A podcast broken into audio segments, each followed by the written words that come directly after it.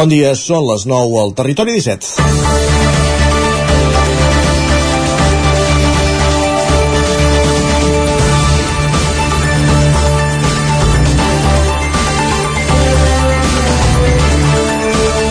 Bullying és l'anglicisme que hem adoptat per referir-nos a l'assetjament escolar. Aquell que jutjar per l'opinió pública després de cada cas tothom veu però ningú denuncia i qui el denuncia sovint no se li fa cas. Ara ha tornat a esclatar després del cas de Sallent i vam dedicar ahir al territori dona. Dos germans van saltar d'un balcó i un d'ells va perdre la vida. Era l'Ivan, el nom que havia adoptat recentment i com havia demanat que se li digués després de decidir fer el trànsit de gènere. La seva germana continua ingressada a l'hospital. Rere aquests suïcidis, un d'ells en grau de tentativa, en llenguatge policial, s'hi amagava un cas de bullying. Galdós ha estat el paper del Departament d'Educació negant-ho a la major des del minut 1 pràcticament sense temps a demanar-ho, extrem que desmentien de seguida diferents testimonis i que portava ahir el govern a demanar disculpes. Rere el bullying només hi ha un culpable, l'assetjador, o en el cas que sigui més d'un, assetjadors.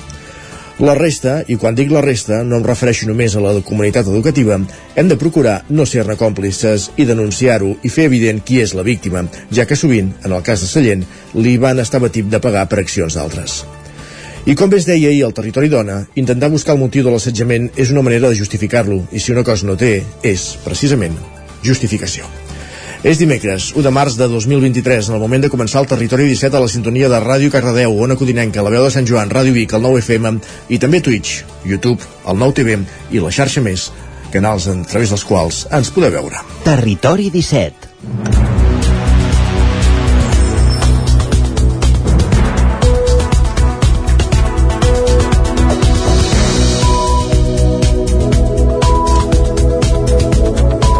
Dos minuts que passen de les 9 del matí d'aquest dimecres. 1 de març de 2023. Comencem el tercer mes de l'any al territori 17 el magazín de les comarques del Vallès Oriental, Osona, el Ripollès i el Moianès, que com cada dia us farà companyia des d'ara fins al punt de les 11 durant dues hores. Amb, quin, amb quins continguts? Tot seguit avancem al menú del dia. En aquesta primera mitja hora ens dedicarem a repassar l'actualitat de les nostres comarques en connexió amb les diferents emissores del territori 17. També farem un cop d'ull a la previsió del temps. Ens la costa cada dia en Pep Acosta des d'Ona Codinenca i anirem al quiosc avui amb en Sergi Vives per conèixer quines són les portades dels diaris del dia dia. Una petita pausa just abans de dos quarts de deu, l'hora en què pujarem al tren a la Trenc d'Alba, l'Isaac Muntades, des de la veu de Sant Joan, recollint les cròniques dels oferts usuaris de la línia R3 de Rodalies, la que va de Vic a Puigcerdà, la que va de Barcelona a Puigcerdà passant per Vic i Ripoll, Eh, també ens fixarem en algun dels objectius de desenvolupament sostenible, els ODS, i acabarem aquesta primera hora, arribarem a la coda del programa música. Notícies a les 10, la previsió del temps de nou amb Pep Acosta i el territori sostenible. Avui parlarem de vespa asiàtica i de la feina que s'està fent al Moianès per combatre El territori sostenible, la secció que cada setmana, cada dimecres, ens acosta en Jordi Givert des d'Ona Codinenca. I a la recta final del programa, ja ho sabeu, els dimecres és aquella recta final més de llengua, més literària. Primer farem un cop d'ull a Twitter, després ens acompanyarà la Cristina Enfruns mm, amb algunes propostes per millorar la parla de la nostra llengua i acabarem amb el Lletra Ferits. Avui en Roger Rams conversa amb l'escriptor Lolo Garcia, que aquests dies ha presentat el seu segon llibre dedicat a la, fe, a la vida de Francesc Maspons. Això serà el territori 17 d'avui. Us, us acompanyarem durant, durant dues hores, com dèiem, des d'ara fins al punt de les 11, i el que fem tot seguit és endinsar-nos en l'actualitat de les nostres comarques, les comarques del Vallès Oriental, Osona, el Ripollès i el Moianès. Us expliquem a aquesta hora que el govern de la Generalitat confirma el que ja vam explicar ahir, que accelerarà el buidatge del pantà de Sau per preservar la qualitat de l'aigua al pantà Susqueda. Sergi Vives. Es passarà del desembassament de 0,3 hectòmetres cúbics diaris al 0,5, mesura que es mantindrà sempre i quan no es produeixi el fenomen de l'estrificació, és a dir, que la làmina d'aigua es barregi amb els fangs del fons. Del pantà de Susqueda se n'abasteixen part de les comarques gironines i també l'àrea metropolitana de Barcelona. A Sau, d'altra banda, finalment, l'Ajuntament de Vilanova ha decidit reactivar-hi el control d'accés ja a partir d'aquest cap de setmana per la previsió que incrementa incrementin els visitants. Davant de la sequera creixent, la Generalitat decreta la situació d'excepcionalitat en 224 municipis de 15 comarques i prop de 6 milions d'habitants, on s'incrementaran les restriccions. Osona es mantindrà en la fase on estava des del juliol, la d'alerta. El govern també ha aprovat un decret llei que té la finalitat d'evitar l'escenari d'haver d'interrompre el subministrament d'aigua als domicilis. Teresa Jordà és la consellera d'Acció Climàtica, Alimentació i Agenda Rural incrementem el volum d'aigua que passa de Sau a Susqueda per no perdre ni una gota d'aigua. Evitem que l'aigua que encara hi ha a Sau arribi a punt eh, arribi un punt que sigui inutilitzable en termes de qualitat sanitària i la preservem per l'ús prioritari que és, com he dit al principi, l'abastament a la població. El principal objectiu, però, se centra en el desplegament de mesures per a garantir l'abastament d'aigua a poblacions, entre elles la recuperació, per exemple, de captacions en desús, molt important. El decret llei també habilita l'administració a fer possible la contractació, com deia, d'emergència o la requisa temporal de drets d'aprofitament. Des del govern insisteixen en que la situació és crítica i demanen a la ciutadania que facin un consum responsable de l'aigua. Més qüestions, eh, anem fins a Ripoll L'alcalde d'aquesta localitat anuncia que denunciaran a la justícia els perfils falsos de Twitter atribuïts a Joaquim Colomer per si pot haver-hi un delicte. Isaac Muntades des de la veu de Sant Joan. La destitució de Joaquim Colomer com a quart tinent d'alcalde i cap de l'àrea de serveis al territori, sostenibilitat i empresa es va fer visible en el ple d'aquest dimarts. Colomer, que va passar a ser regidor no escrit, veia com el company que havia agafat part de les seves competències, Josep Isern, va fer les intervencions que li haguessin tocat a ell i va seure al seu lloc. En canvi, Colomer quedava desplaçat fins al costat dels membres del PSC. Semblava que el tema no es tocaria en aquesta sessió i es deixarien les hostilitats pel ple extraordinari de dijous al matí on es farà tot oficial, però la la regidora no escrita Sílvia Oriols va destapar la capsa dels trons i va demanar a l'alcalde Jordi Monell per què s'havien fet servir recursos públics per investigar un perfil fals de Twitter, si no hi havia amenaces o insults que ho justifiquessin. A més a més, va dir que li semblava molta casualitat que el fessin fora de l'equip de govern just quan el 9-9 anunciava que es presentaria amb una candidatura d'independents. Constatem que es limitava a expressar, anònimament sí, però legítimament també, opinions personals i a qüestionar dirigents i accions de totes les formacions polítiques ripolleses. No toleren les crítiques? Si es volen apunyalar entre vostès tres mesos abans de les eleccions, endavant, no seré pas jo qui ho impedeixi. Però els agrairia que no facin servir diners públics per desballestar cap candidatura, financin les seves guerres fratricides amb fons privats. L'alcalde Jordi Monell va contestar-li d'aquesta manera. És un perfil públic perquè és un telèfon associat al, a l'Ajuntament, per tant el que hem fet és investigar un telèfon de l'Ajuntament, no un telèfon privat, per tant hem fet servir doncs, els recursos públics per mirar un recurs públic, és el que toca fer en aquest cas a l'Ajuntament per salvaguardar la, la institució. Un ell va dir que un perfil privat pot fer les crítiques que vulgui. També va assenyalar que posaran en coneixement de la policia i de la justícia per si hi hagués hagut algun ús indegut o un cas de phishing. A més a més, a títol personal, posaran en coneixement de la justícia els fets delictius que se li atribuïen perquè no quedin impunes per tal de cursar una denúncia. Colomer va intervenir per agrair els anys que ha passat a l'equip de govern, però també per negar els fets. A partir de demà mateix s'intentarà establir, mirar a veure quin grau de paral·lelisme hi ha amb el telèfon aquest que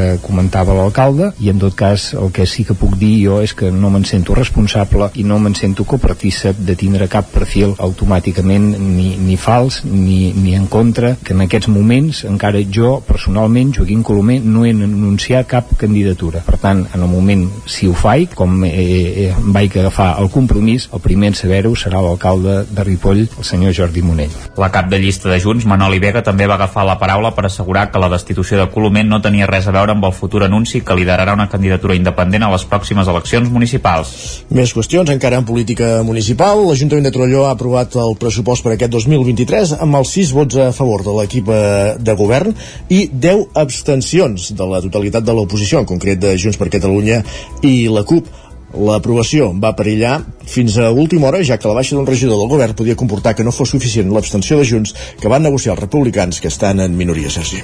Així és, una cadira buida de l'equip de govern podia comportar que, malgrat haver arribat al ple, els pressupostos de l'Ajuntament de Torelló d'aquest any quedessin penjats. La previsió era que el PSC votés en contra i hi havia la possibilitat que la CUP també ho fes després que es trenqués l'acord d'abstenció.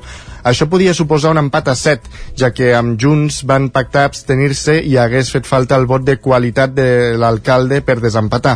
En faltar un regidor republicà, el govern podia tastar de nou la minoria. Finalment, però, els tres grups de l'oposició es van abstenir.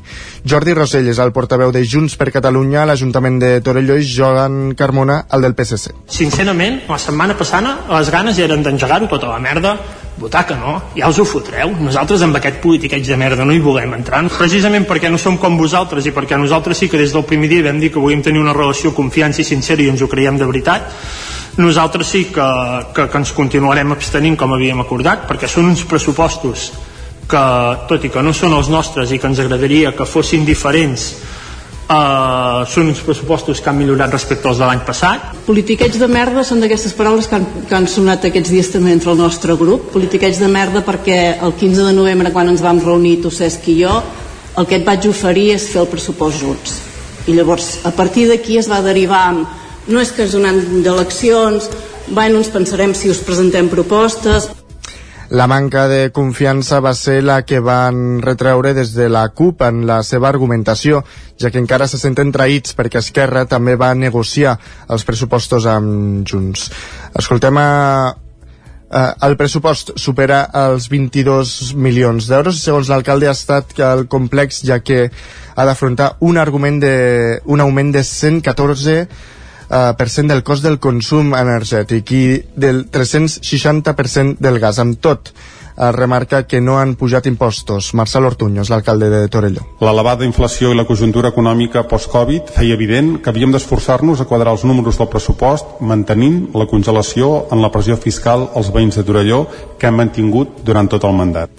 Pel que fa a les inversions, sumen més de 7 milions, entre els quals hi ha un, un i mig per a obres del Centre Cultural del Club, de les quals ahir van anunciar que han rebut una nova subvenció que permetrà finançar gairebé el 50%. També es preveu mig milió per reformar el mercat municipal. Més qüestions. La redacció, la redacció del projecte i construcció de la comissaria dels Mossos d'Esquadra a Manlleu, l'Institut del Ter a la mateixa ciutat, el Cap de Balanyà, la depuradora de Sora o l'estudi per construir un nou pavelló pel Voltregà Sant Hipòlit són algunes de les 13 esmenes relacionades amb Osona que Junts per Catalunya ha presentat a la llei de pressupostos de la Generalitat. Esquerra Republicana, l'únic grup del govern després de la sortida de Junts, ha arribat a acords pels comptes amb el PSC i els comuns. La petició de més eh, quantitat econòmica que fa Junts per a la comarca, 1.117.000 euros, és la millora mm, de les instal·lacions de l'Hospital de la Santa Creu. Anna R, alcaldessa de Vic i diputada de Junts, i el el president del grup parlamentari, Albert Batet, ho va explicar aquest dimarts en una roda de premsa a Vic, en relació a la diferència entre les inversions directes previstes a Osona i al Bages que aquí mm, són d'una tercera part en relació al Bages, R deia que no afecta el lideratge d'Osona. Sentim a Batet i també a R. Els pressupostos del tripartit autonòmic són un fre al desenvolupament econòmic i de creixement del de, conjunt del país perquè no, és, no pensen en la Catalunya sencera sinó prioritzen Barcelona i l'àmbit metropolità i per això presentem totes aquestes esmenes territorials per mostrar, mostrar aquesta voluntat d'equilibri de, de, en breu també es hi haurà una nova seu que s'ha de desplegar, que és aquí el Portalet, que serà la de Drets Socials, que estem a punt d'estrenar. Vol dir que nosaltres anem creixent eh, amb aquesta societat i de moment el govern compleix. Ara sí que hi ha una gran diferència, si més no, per la presència que volen demostrar de la Generalitat a la Catalunya Central, que hi hagi un viatge una mica doncs, més cap a, a Manresa. El lideratge no, perquè Osona eh, és una comarca forta, una, una comarca molt ben situada i que té eh, apostes estratègiques que gràcies gràcies sobretot al que és l'agència de creació que ens marca molt aquest camí L'acte va comptar també amb representants del partit a la comarca i candidats a l'alcaldia en les properes municipals. Encara en l'àmbit polític i de Junts per Catalunya, que ha presentat Roger Xalabarder com a candidata a Caldes de Montbui. En un acte amb el secretari general Jordi Turull i l'exconsellera Victòria Alzina. Roger Ram, zona Codinenca. Sí, aquest dilluns s'ha presentat en societat la candidatura de Junts per Catalunya a Caldes de Montbui, que serà encapçalada per Roser Xalabarder, en un acte que s'ha fet a la Sala Noble de Can Rius i en el que Xalabarder ha apuntat quins seran els principals punts de la seva campanya. Avui em presento jo com a candidata i explico una mica els pals de paller del programa que estem confeccionant amb el grup, una bona mobilitat a dins del poble, donar recolzament al comerç, al turisme, al jovent, als empresaris que donen feina i, i valor eh, en el poble, que donen feina a tothom i, i llavors doncs, eh, som un poble solidari, som un poble que ens agrada que ens vinguin els pobles del voltant i volem que puguin accedir en bones condicions a dins del poble. En aquest acte de presentació també hi ha assistit el secretari general de Junts per Catalunya, Jordi Turull, que ha elogiat la figura de Xalabarder i l'ha encoratjat a treballar perquè ningú no hagi de marxar de Caldes per manca d'oportunitats. Perquè la política municipal és la més agraïda perquè poses noms i cognoms a totes les accions que pots fer per fer la vida més fàcil i feliç a la gent, però alhora és la més exigent i està ple de, rep de reptes. No? I Caldes té, com tots els municipis, té molts reptes, però també té moltes oportunitats. I crec que la Roser pot compatibilitzar això, de, de, que no li espantin els reptes i alhora que els converteixin tots en oportunitats perquè tothom de Caldes pugui viure i gaudir a Caldes i ningú hagi de deixar Caldes doncs perquè no troba les oportunitats i les ha d'anar a buscar en un altre lloc no? i per tant jo crec que és una, una excel·lent candidata i n'estem molt contents i convençuts. L'exconsellera d'Acció Exterior, Victòria Alzina, també va voler acompanyar Turull i Xalabarder en aquest acte i remarca que la política municipal és ara la principal aposta del partit. Jo crec que totes les persones que fan un pas endavant per presentar-se a les alcaldies del país tenen una vocació de servei públic immensa. I en aquest moment Junts per Catalunya no té res més important a fer que donar suport a tots els candidats, candidates i a totes les persones que formen part de la llista en els diferents doncs, municipis d'arreu de, del país. Roser Xalabarder s'estrena en aquests comicis com a candidata a l'alcaldia de Caldes de Montbui. I ara anem cap a Cardedeu perquè en aquesta població una altra formació política, en aquest cas el PSC, ha protagonitzat una xerrada sobre feminisme i diversitats. Anem, com dèiem, fins a Ràdio Televisió Cardedeu, allà ens hi espera en Pol Grau. Pol, benvingut, bon dia. El PSC de Cardedeu ha realitzat una xerrada a l'espai gastronòmic de Gambana per parlar sobre feminisme i diversitat L'acte ha estat dinamitzat per al Joan Castelló i Puri Castillo i ha comptat amb la presència del diputat del Congrés Arnau Ramírez, la psicòloga Ariadna Maestro i el primer secretari de la Joventut Socialista de Catalunya, Lot Garcia. Ens explica Joan Castelló, PSC de Cardedeu.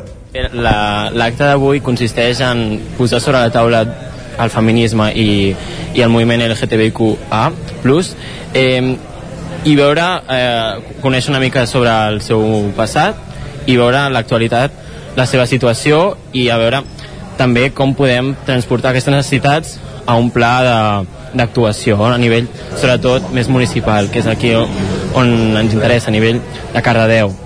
Eh, també consisteix en, en que no sigui només un acte polític, en què sigui també un, un punt de trobada on tothom pugui aportar i al final doncs, convidar a la gent a, a manifestar la seva opinió al respecte.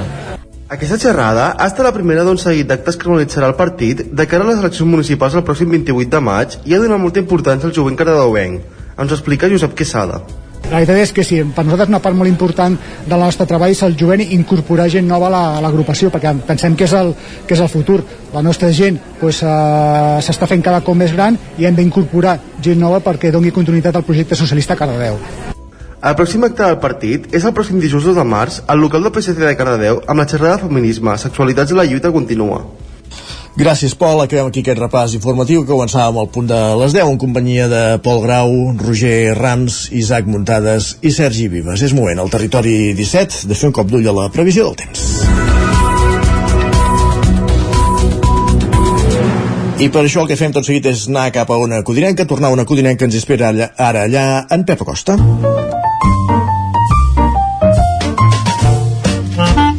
Casa Terradellos us ofereix el temps. En Pep Acosta, que és el nostre home del temps, i volem saber com evolucionarà meteorològicament la setmana. Pep, bon dia. Hola, benvinguts al Espai del Temps. Benvinguts també al mes de març. Comença ja un nou mes. Hem deixat també el febrer. Un febrer que haurem d'esperar a veure a mi les dades, a fer resum de les dades però ha estat eh, bastant fred, bastant fred, jo diria, i també ha estat una, una mica plujós, eh, sobretot cap al Pirineu. El Pirineu s'ha pogut força, eh, més cap a l'interior del peritoral no, no ha estat gaire plujós aquest mes de febrer, però almenys el Pirineu sí que ha pogut eh, bastant. Eh, veurem, eh? Acabem de veure eh, el, el Meteocat, eh, publicarà les dates definitives del mes i faré un petit resum eh, quan, quan es publiquin aquestes eh, dades. Uh, comencem al març, com deia, i ho fem amb unes temperatures baixes de nit. Ha baixat la temperatura, està glaçant uh, gairebé totes les poblacions, uh, mínimes per sota dels 10 sota 0, alta muntanya, entre el 0 i els 5 sota 0, a moltes zones del peritoral de l'interior, i és que ha baixat la temperatura perquè han escampat els núvols, han marxat els núvols, i, i acata el cel molt més serè. El que del cel molt més serè eh, ha fet que la temperatura mínima baixés en picat aquesta nit. Eh, aquest cel serè es mantindrà tot el, tot el matí d'avui eh, molt pocs núvols un dia molt tranquil i eh, l'única notícia és que el vent serà bastant important, bastant fort cap a la zona del Pirineu i també els cims més alts de, del Peitoral, de la Transversal i de les Guilleries. Un vent de nord que bufarà entre els 50, 60, 70 km per hora a tot estirar. De cara a la tarda eh, pot créixer una nuvolada cap, a, cap al nord-est, cap a, cap a aquestes mateixes zones, cap al Montseny, cap a les Guilleries, també cap al Pirineu, però sense conseqüències. Avui no hi haurà cap pluja. Eh, malauradament no es veu un temporal de pluja fort per enlloc. Eh, llàstima, llàstima aquest, uh, aquest últim episodi de pluja de neu que no ha sigut eh, molt important. Eh, ha sigut eh, està sent molt important a les Balears. A les Balears sí que ha estat un, un temporal de pluja de neu molt important. Els primers mapes deien que aquest temporal afectaria, ens afectaria a nosaltres eh, i estem que al final se'n va anar, anat cap a les Illes Balears. Hagués pogut eh, hagués sigut molt important aquest temporal i ens hagués pogut afectar de manera directa però al final se'n va anar cap a les Balears. No hi ha manera que ens afecti eh, un temporal de pluja important i és que la sequera eh, no para d'accentuar-se ja hi ha noves mesures aplicades i se l'aplicaran més ben aviat perquè és que no es veu un temporal de puja important per enlloc, eh? notícies molt, molt dolentes. I bueno, això és tot. Eh, eh, començava des de març, com deia, un fred a la nit. Durant el dia força, eh, força sol, alguna nuvolada a la tarda i les temperatures molt, molt, molt, molt semblants a les d'aquests últims dies. Les, les màximes, la majoria entre els 8 i els 13 graus. Unes temperatures eh, que es aniran recuperant durant el dia, ja que farà més sol avui. Moltíssimes gràcies, adeu. Gràcies, Pep, parlem més tard. Casa Tarradellas us ha ofert aquest espai. I ara és moment al territori 17 de fer un cop d'ull als diaris. Anem fins al quiosc, que saber quines són les portades dels diaris del dia. Sergi, què hem trobat avui al quiosc? Doncs mira, avui tots els diaris catalans, el Punt Avui, el Periódico, La Vanguardia i l'Àrea, s'han despertat amb una fotografia del pantà de Sau a les seves portades Carai. per explicar que l'alerta per sequera a Catalunya entra en una nova fase i obliga a imposar noves limitacions al rec i a l'ús industrial i urbà. Ara sí, comencem al punt avui, encapçar la portada amb el titular català de sèrie, expliquen que les ajudes públiques comencen a arribar també a sèries televisives més ambicioses. Diuen que cinc grans produccions de cinema ja disposen de, sub de subvenció per rodar amb el nostre idioma. Per altra banda, destaquen que Justícia ja té a punt l'obertura de fosses al Berguedà. Afegeixen que han estat documentades en cinc municipis de la comarca. El periòdico diu que els funcionaris no seran relegats eh, per fallar un test. Expliquen que el govern renuncia a penalitzar els treballadors que no superin una avaluació de mèrits. També expliquen que les clavegueres del PP tenien un pla per cobrar per la seva missió a Andorra. I per altra banda diuen que Educació va atendre 167 casos de bullying en el primer trimestre. La Vanguardia diu que Espanya habilita 19 àrees per instal·lar parcs eòlics eh, marins. Expliquen que el Ministeri tria Galícia, Andalusia, Menorca, Catalunya i les Canàries. També diuen que els jutges van rebutjar una dotzena de denúncies sobre l'operació Catalunya. Per altra banda, diuen que Ucraïna fa un pas més i envia drons a la rereguarda, a la rereguarda de l'exèrcit rus. Expliquen que un dels aparells no tripulats arriba a només 110 quilòmetres de Moscou. Lara destaca que Espanya aprova el primer mapa de l'eòlica marina. Expliquen que a la Costa Brava s'estableixen 250 quilòmetres quadrats a 12 quilòmetres de la costa per a la instal·lació d'aerogeneradors. També diuen que el cas Sandro Rossell revifa la pressió per aclarir l'operació Catalunya. Això perquè el jutjat 13 de Madrid ha acceptat la querella de Rossell i investiga Villarejo i les tres, i tres persones més.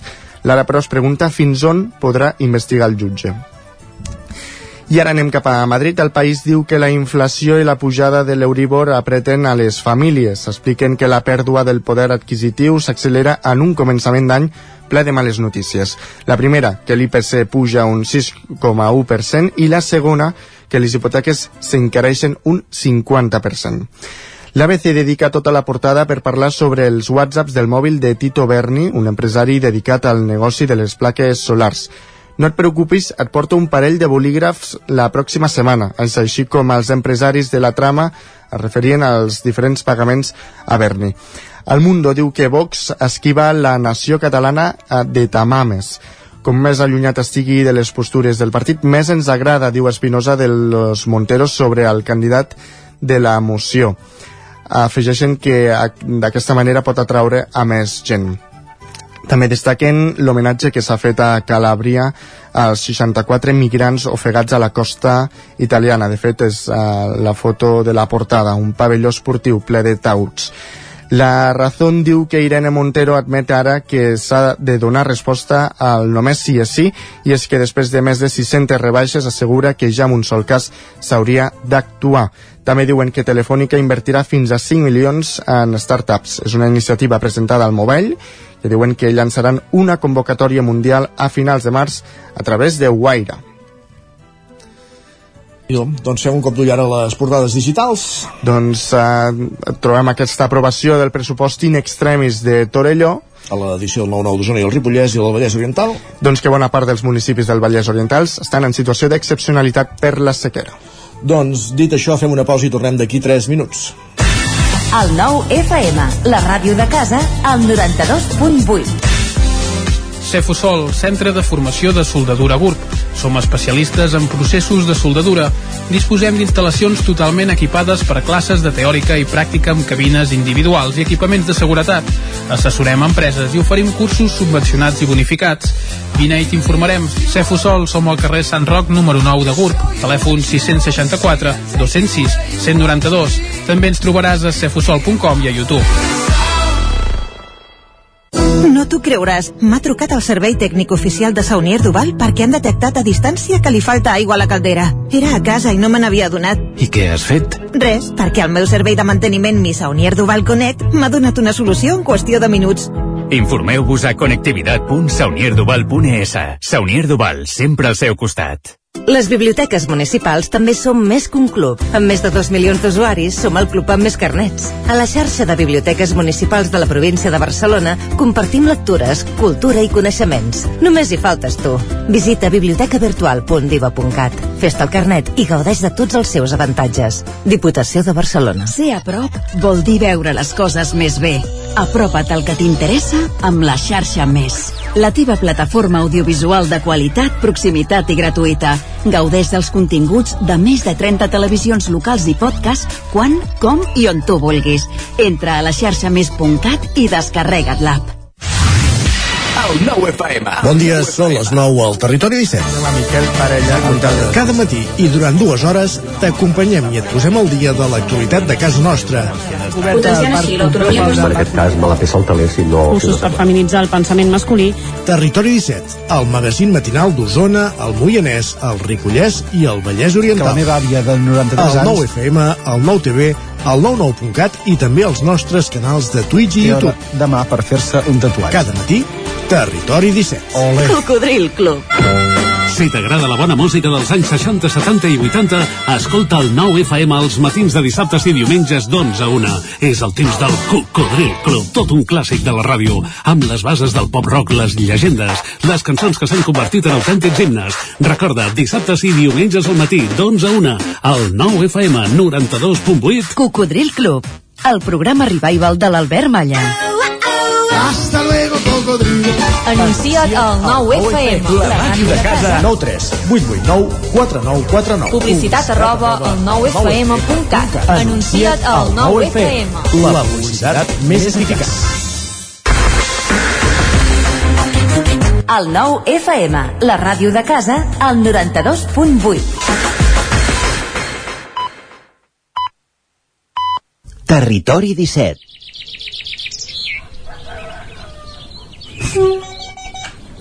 A Tren d'Alba. Cada dia els usuaris i usuàries de la línia R3 de Rodalies que veuen sortir el sol des d'un vagó ens expliquen les gràcies i les penes del primer comboi que uneix Ripoll i Barcelona o les feixugues jornades amb el tren després de treballar. Benvinguts a Tren d'Alba. Avui s'ha anunciat que Adif realitzarà la supressió de dos passos a nivell a la Canonja gràcies a una inversió de 8 milions d'euros. Amb això es millorarà la permeabilitat i l'increment de les condicions de seguretat i també s'hi construiran passarel·les per vianants i passos superiors per a vehicles i gent a peu. A veure si algun dia eliminen també el pas a nivell que hi ha entre el centre de Ripoll i el passeig Regull abans d'entrar cap a la carretera de Barcelona, que sempre ha estat un niu de problemes. I fins i tot va haver-hi un accident mortal al 2013. Ara almenys sembla que s'acabaran les avaries del pas a nivell o seran més fàcils d'arreglar perquè hi haurà alguna a prop, però ja ho veurem. Ja se sap que Renfe i Adif prometen sempre molt i les promeses se les acaben duent al vent. Va, ens retrobem demà amb més històries del tren i de l'R3. Territori 17, el 9 FM, la veu de Sant Joan, Ona Codinenca, Ràdio Cardedeu, Territori 17. Un minut és el que passa de dos quarts de 10 del matí.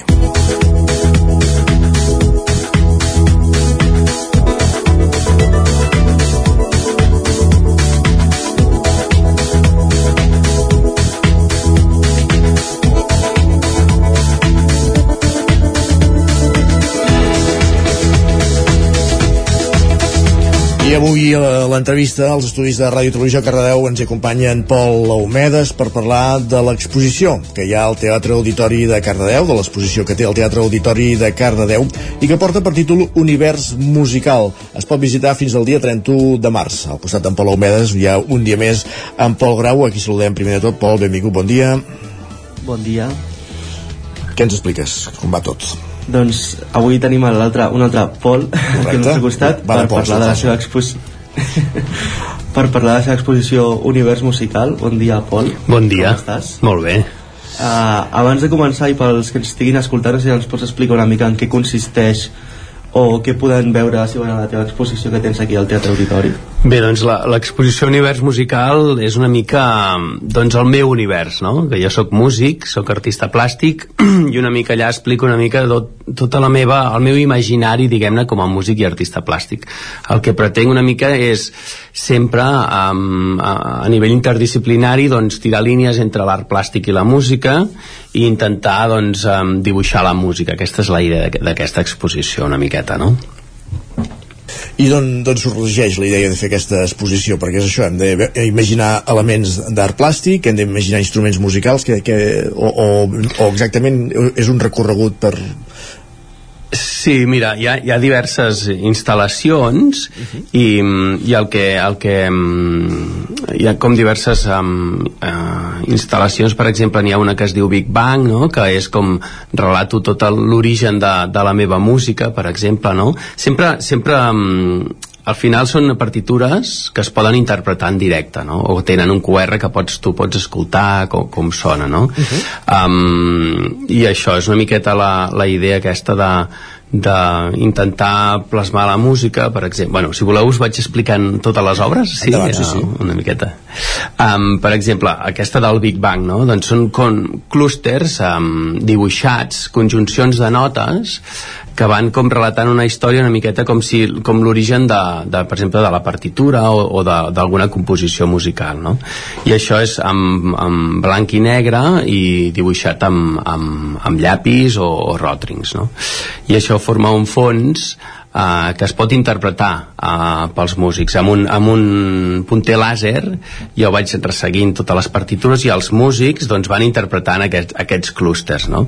és curiós perquè jo soc, jo soc acordionista de músic tradicional de música tradicional i aquestes composicions tenen un aire absolutament contemporani el clúster és conjunció de notes i sons i sorolls i la idea és aquesta una miqueta doncs que és una exposició feta per mi, un, arti un artista, diguem-ne, de música tradicional, però que, que té un aire contemporani absolutament, no?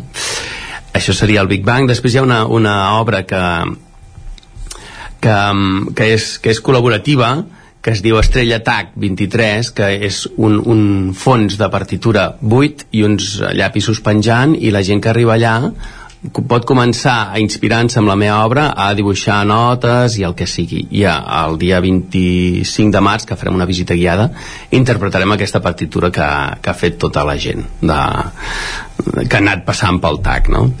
N'hi ha un altre que, que es diuen Forats Negres i que és, és com un joc entre entre el so infinit de, de, de, de la del, de l'acople d'un micro amb un altaveu sí. que fa com un, com un so i això es dibuixa tot és difícil d'explicar, jo us animaria a, a visitar-ho perquè Sí, exacte. Vull dir que, però és tota aquesta narració entre intentar plasmar el so a nivell gràfic, per exemple. Hi ha un altre que es diuen partitures pintades, que són tot el meu, la meva galàxia, jo en dic galàxia humida, són les més partitures que utilitzo habitualment que els músics les tenim arrugades per allà tirades, no?, sempre. La guardada. Sí, de cop i volta els hi dono un, un... perquè és les nostres composicions, tenen un aire, és, és una... i les pinto, les, les dibuixo, les emmarco amb diferents colors i tal, i llavors allà podeu escoltar-les a través d'uns QRs, totes les composicions eh, vas dir, bueno, has dit que els músics l'interpreten, van venir músics de l'ESMUCA a interpretar les músiques, que, a les notes que els ensenyaves, com va anar aquesta experiència de... Bé, va ser interessant, sí, a l'Associació de Músics de Cardeu, que primer els hi vull agrair que vinguessin a, a, a fer la interpretació, i perquè és un, és un joc, diguem-ne, són, van ser gent que, que es van obrir al meu joc, no?, i no sé si recordeu que allà al TAC hi ha una vidriera molt gran, doncs amb uns retoladors vaig dibuixar una partitura abstracta molt gran. Conjuncions de notes no? per exemple o, o distorsions o lletres o, o també hi havia sons percutius. I, i aquí amb, un, amb una vara jo anava passant per tota aquesta partitura i els músics havien d'interpretar-ho.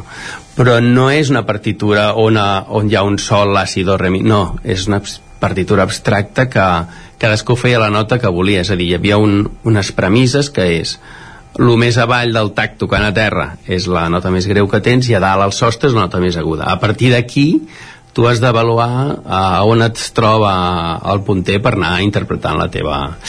I després el clúster també, quan més conjunció de notes hi havien juntes era més fort i quan, quan hi havia menys conjunció de notes era més fluix. I era com un, bueno, va sonar divertit perquè era, era bastant curiós. A més, després al públic, o sigui, van venir els de l'Esmuca, que eren 10-12 músics, vam fer una primera interpretació i després amb el, amb, el, amb, amb el públic que va venir vam fer una petita coral i els hi vam fer interpretar també eh, i era com, com un duo diguem-ne, la veu per una banda i els músics per una altra i va ser interessant, sí, sí Com ha estat, Pol, el procés de creació d'aquesta exposició? Fa, fa molts anys que hi treballes, diguéssim? És, és una idea que feia molt temps que tenies al cap?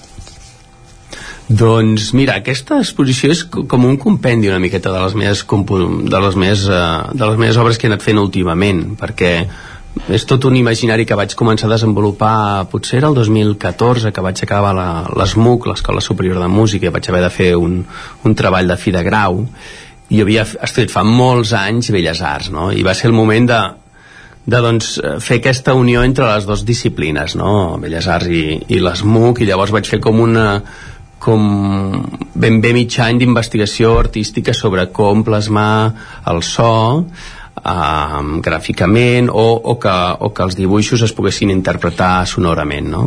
i a partir d'aquell any del 14-15 doncs fins ara he anat creant obres que les he juntat en aquest univers musical que és com un calaix de sastre de totes les meves composicions no? I, i està bé perquè això ho he fet en, en diferents espais i habitualment no són uh, galeries d'art si a mi m'agrada com vaig estar per exemple al Traicionarius que no és un espai expositiu és més aviat un, un, bueno, un Un lloc de fer, de fer concerts no? i allà està bé també perquè em permet fer performance per l'espai i un espai diferent, no tant eh, perquè com que està entre la música i les arts plàstiques ja era ideal, igual que el TAC no? vull dir que quan, quan des de Cultura em van dir aquest trimestre, perquè la, aquest primer trimestre allà al TAC hi ha hagut el Tastautors, no? i ara hi haurà el Festival Ressona, i van dir, home, és un trimestre molt musical, ens agradaria que, que instal·lissis l'exposició allà, i és un espai que expositivament hi hauria algú que diria, hòstia, és que no hi ha la llum adequada, però a mi m'interessa perquè és un espai que, que hi ha gent de, de música, es poden fer accions, vull dir que és un espai interessant, sí, sí. Interactiu, pel que dius, eh? Sí, exacte, sí, sí, sí. Eh, no sé si ara quan el 31 de març aquí ve l'exposició no sé si tens pensada fer una altra o tens pensada fer una altra cosa o si tens pensat portar-la més jocs aquesta exposició Mira, aquesta exposició ara ha estat ja a les Franqueses, després va anar a Barcelona i, i ara aquí a Cardedeu i bueno, tinc diverses opcions de, de portar-la també a Girona que estic parlant amb gent encara Granollers també, vull dir que encara crec que té recorregut per, per ja fer alguna, alguna cosa pensada ja per un futur Mira, ara estic treballant en l'ampliació d'obres d'aquesta exposició, és a dir, tinc moltes idees que no entraven en cap dels projectes que feia perquè potser eren molt acotats, no? però aquest, aquest marc, diguem-ne, d'univers musical em dona molt, és infinit, com l'univers mateix, no? I llavors estic ampliant a, a les mires d'aquesta exposició i fent obra nova per aquesta exposició, coses que tenia a la cartera guardades i que dic, ostres, aquí entren i seria interessant és a dir, que l'univers està en expansió encara. S'està expandint. Perquè de, quantes composicions consta l'exposició ara mateix? Quanta, quants espais hi ha? Mira, ara, ara hi ha el, aquesta um, intervenció a la, a, la, a la paret, al vidre, que en dic Via Làctia, perquè una mica és un homenatge a totes les estrelles que han passat per, pel TAC, no? Era la idea de, de, que, um, de representar totes les estrelles de, bueno, els artistes que han estat al TAC i que sonessin en aquell moment, no? Aquesta és una, després hi ha el Big Bang, que és l'expansió aquesta de l'univers, després hi ha aquesta interactiva, després els forats negres també, constel·lacions, que també és aquesta idea de, de punts a les al- a l'univers que, que, els, que els astrònoms els han unit diguem-ne en formes dient que allò és Orió o el que sigui que al final és super abstracte i jo he fet el mateix amb notes. He, he unit notes i he dit pues, aquest és la constel·lació tal, tal. I he anat fent noms de constel·lacions que també sonen.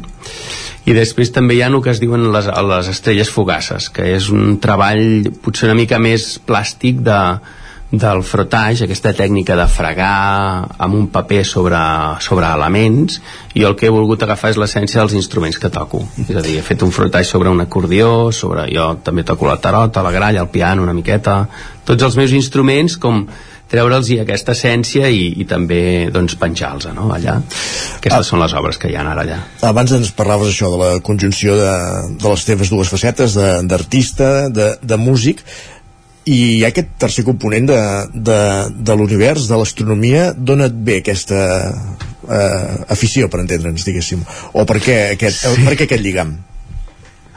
Mira, va ser, va ser a partir del títol, eh? no tinc cap... Um, vull dir, m'agrada l'astronomia, però no hi sóc gens entès, vull dir que n'he après molt fent l'exposició, perquè he buscat per exemple, a Big Bang, no? i he après què vol dir el Big Bang i l'he aplicat a la meva obra, no? Um, va ser una mica un, una excusa, no? perquè aquest univers mm, representa tot el meu imaginari, no? I, però sí que hi vas entrant i vas veient que moltes coses es poden relacionar la música a l'univers, com les matemàtiques també, no?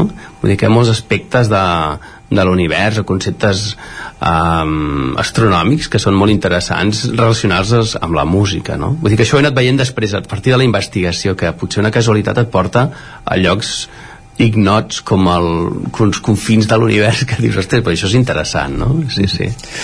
I ens pots avançar alguna cosa d'aquestes intervencions amb les que estàs treballant per ampliar-la, diguéssim, cap on poden anar els trets? Uh, sobretot estic intentant que les obres que estic fent siguin més interactives, que es puguin uh, in, uh, interpretar amb més d'una persona o que tinguin una, una acció, per exemple, en allà mateix, no? Ara estic treballant també, per exemple, amb el que en dic micrografies, que és aquesta idea del forat negre, que és un, un pèndol que passa per davant d'un micròfon i, i s'acopla, i llavors això fa com una mena de bordó i això podria ser com una mena de, de mantra perquè, doncs, per exemple, amb els, amb els assistents a l'exposició féssim una intervenció sonora, no?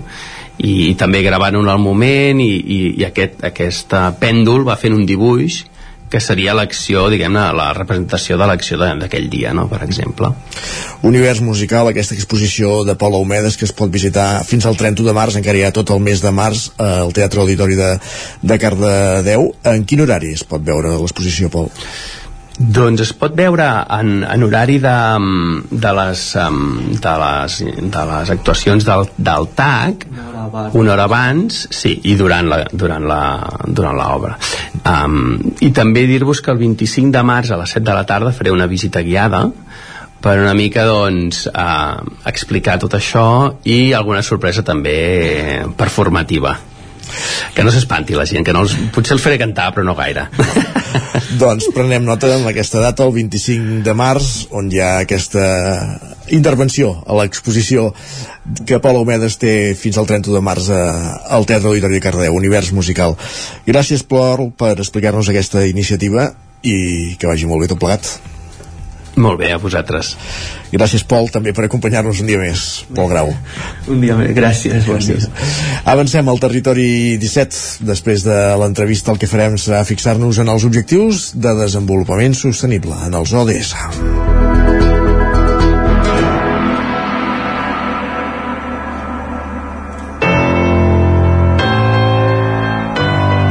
Territori, Territori 17. 17.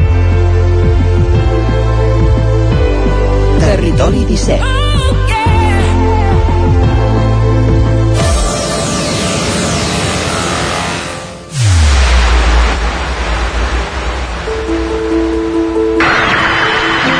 Porque yo podría y me atrevería a decir que el individuo no es más que un eslabón, un pequeño eslabón en una larguísima cadena, cuyo origen se pierde en la noche de los tiempos y cuyo fin está todavía por forjar. L'aleteig d'una papallona es pot sentir a l'altra punta del món. Tot comença per tu. Susara havia punto. Ona ODS. Onda ODS. Una finestra oberta Una ventana abierta. a un futur sostenible. Etorkizun jasangarri baten ardatz. Una fiestra aberta A un futur sostenible.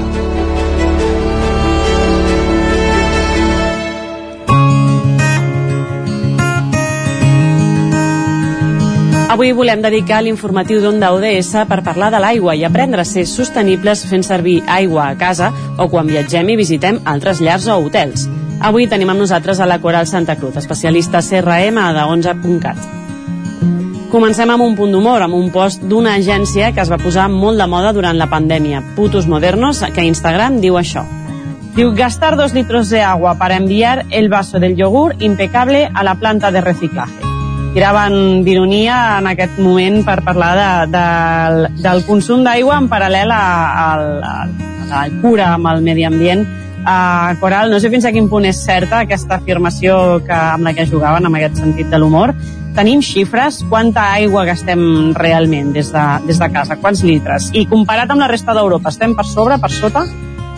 Clar, realment el consum domèstic ara mateix hi ha molts factors, vale? ara, com pot ser el tipus de vivenda, el clima, els costums que tenim, com deia aquest post, depenent, poden afectar, tot això pot afectar la quantitat i la mitjana d'aigua que consumeix cada habitant.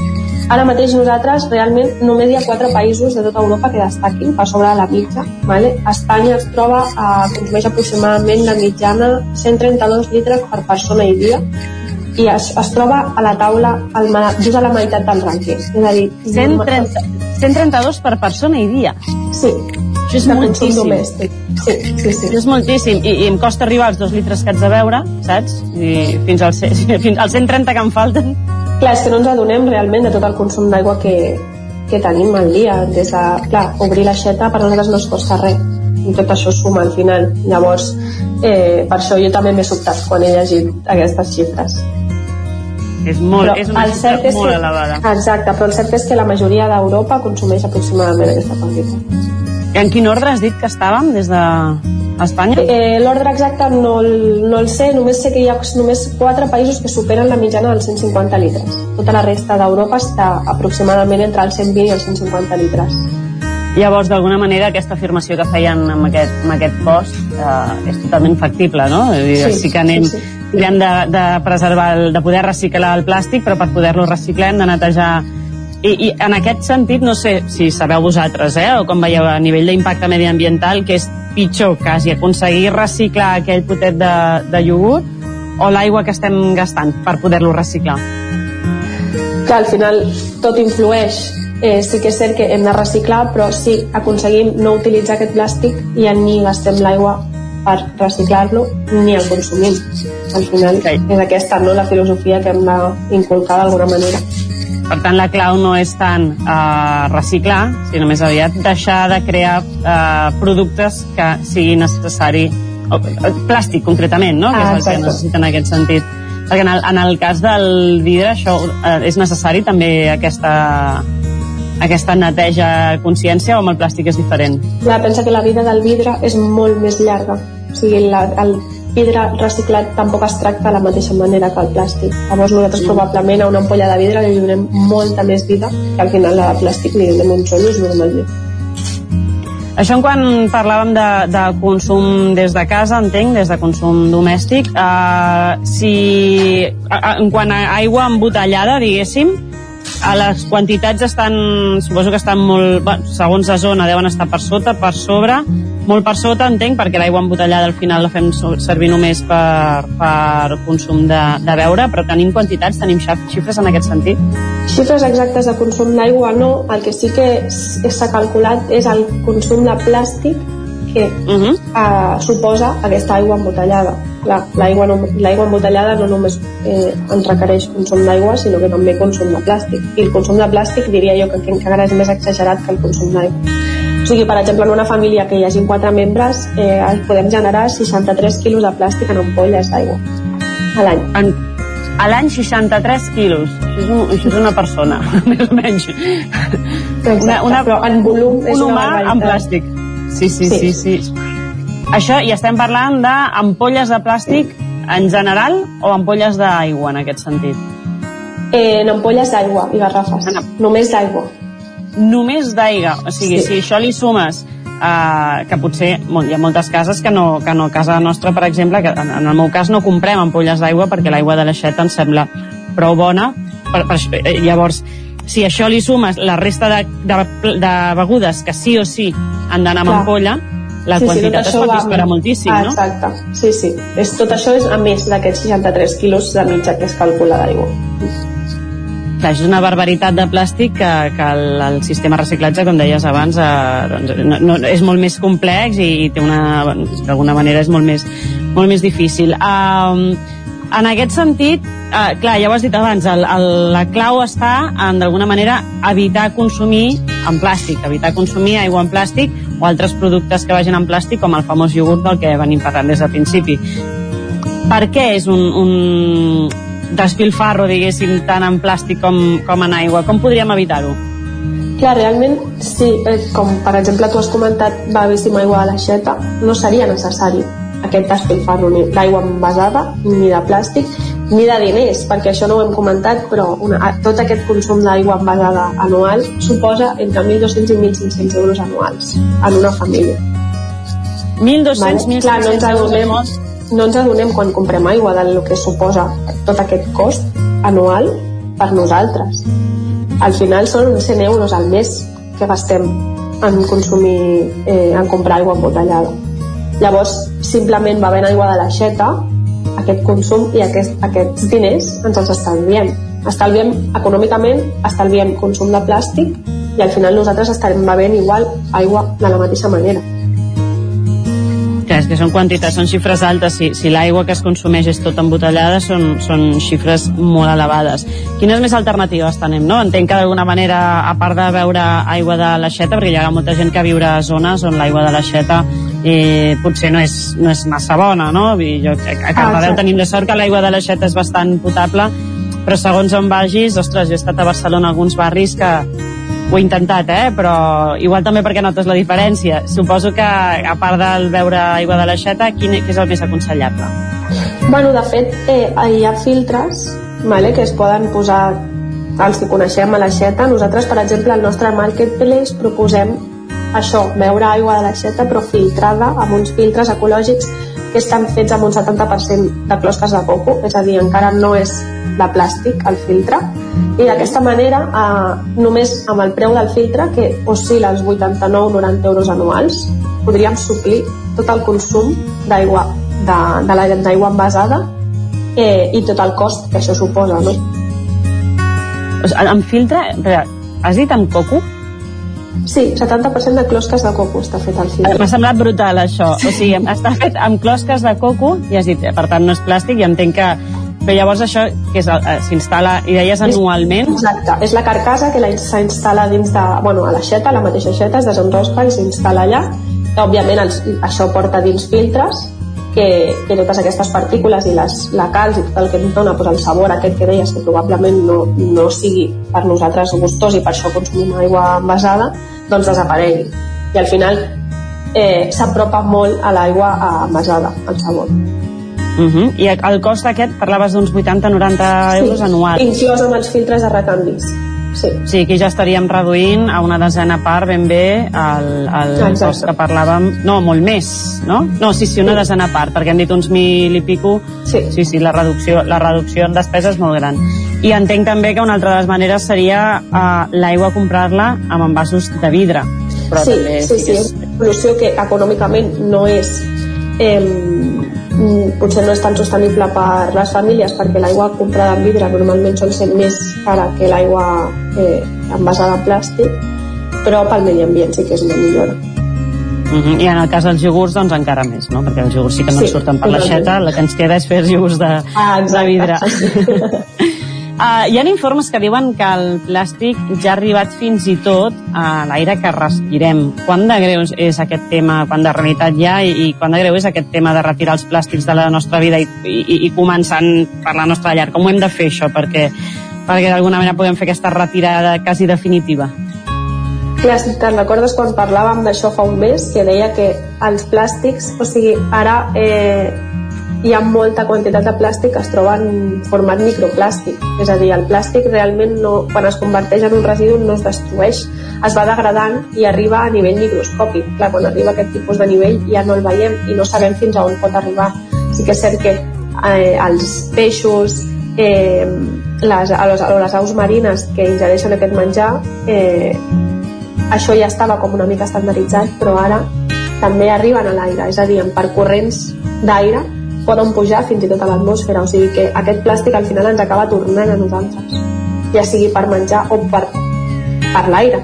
Al final, la, igual que la contaminació, el tema dels microplàstics també pot arribar a l'aire. Mm -hmm. Llavors, és per això que és tan important no, aquesta reducció, ja sigui doncs, en bosses, no comprar bosses, els envasos no comprar-los de plàstic, el que dèiem de l'aigua, tot això, al final és que la, ho hem d'erradicar des del principi perquè al final aquest plàstic sí o sí s'ha de, de, de reciclar i, i s'ha d'abocar d'alguna manera, no? Llavors, eh, el que hem de tallar és el consum per poder retallar tota aquesta cadena. Coral, moltíssimes gràcies per ser amb nosaltres. Ara una mica més conscients sobre el consum que fem de l'aigua dia a dia. Moltes gràcies. Territori 17 doncs un, una càpsula dedicada als ODS, dona ODS dels objectius de desenvolupament sostenible molt idònia l'endemà que s'aprovessin noves restriccions en el consum d'aigua de boca en diversos municipis a l'entorn de, de l'àrea de Barcelona, molts d'ells de, del Vallès Oriental, també en ple territori 17. Arribarem a les 10, com cada dia aquí al territori 17, amb música i avui amb el més nou de Portobello. Aquesta formació musical estrenarà nou disc aquest 2023, el quart de la seva trajectòria, i la primera cançó que avancen és aquesta, Cantar-te, Portobello, fins a les 10 al territori 17 faré fugir-te en el millor dels sentits i no m'importa si em perdo. No viuré si sé que al despertar aquesta no és la realitat i hauré de tornar a trobar-te. I no m'he vist en cor de poder explicar-te cantar-te. I no m'he vist en cor de poder trucar-te cantar-te. Que no sé com ho has fet per no m'he vist en cor de poder parlar-te, cantar-te. Ja fa temps que passo els dies somiant-te. M'he descobert tantes vegades pensant-te i no hi ha res que no em recordi que sento que la vida se m'escapa si marxes i no m'he vist en cor de poder explicar-te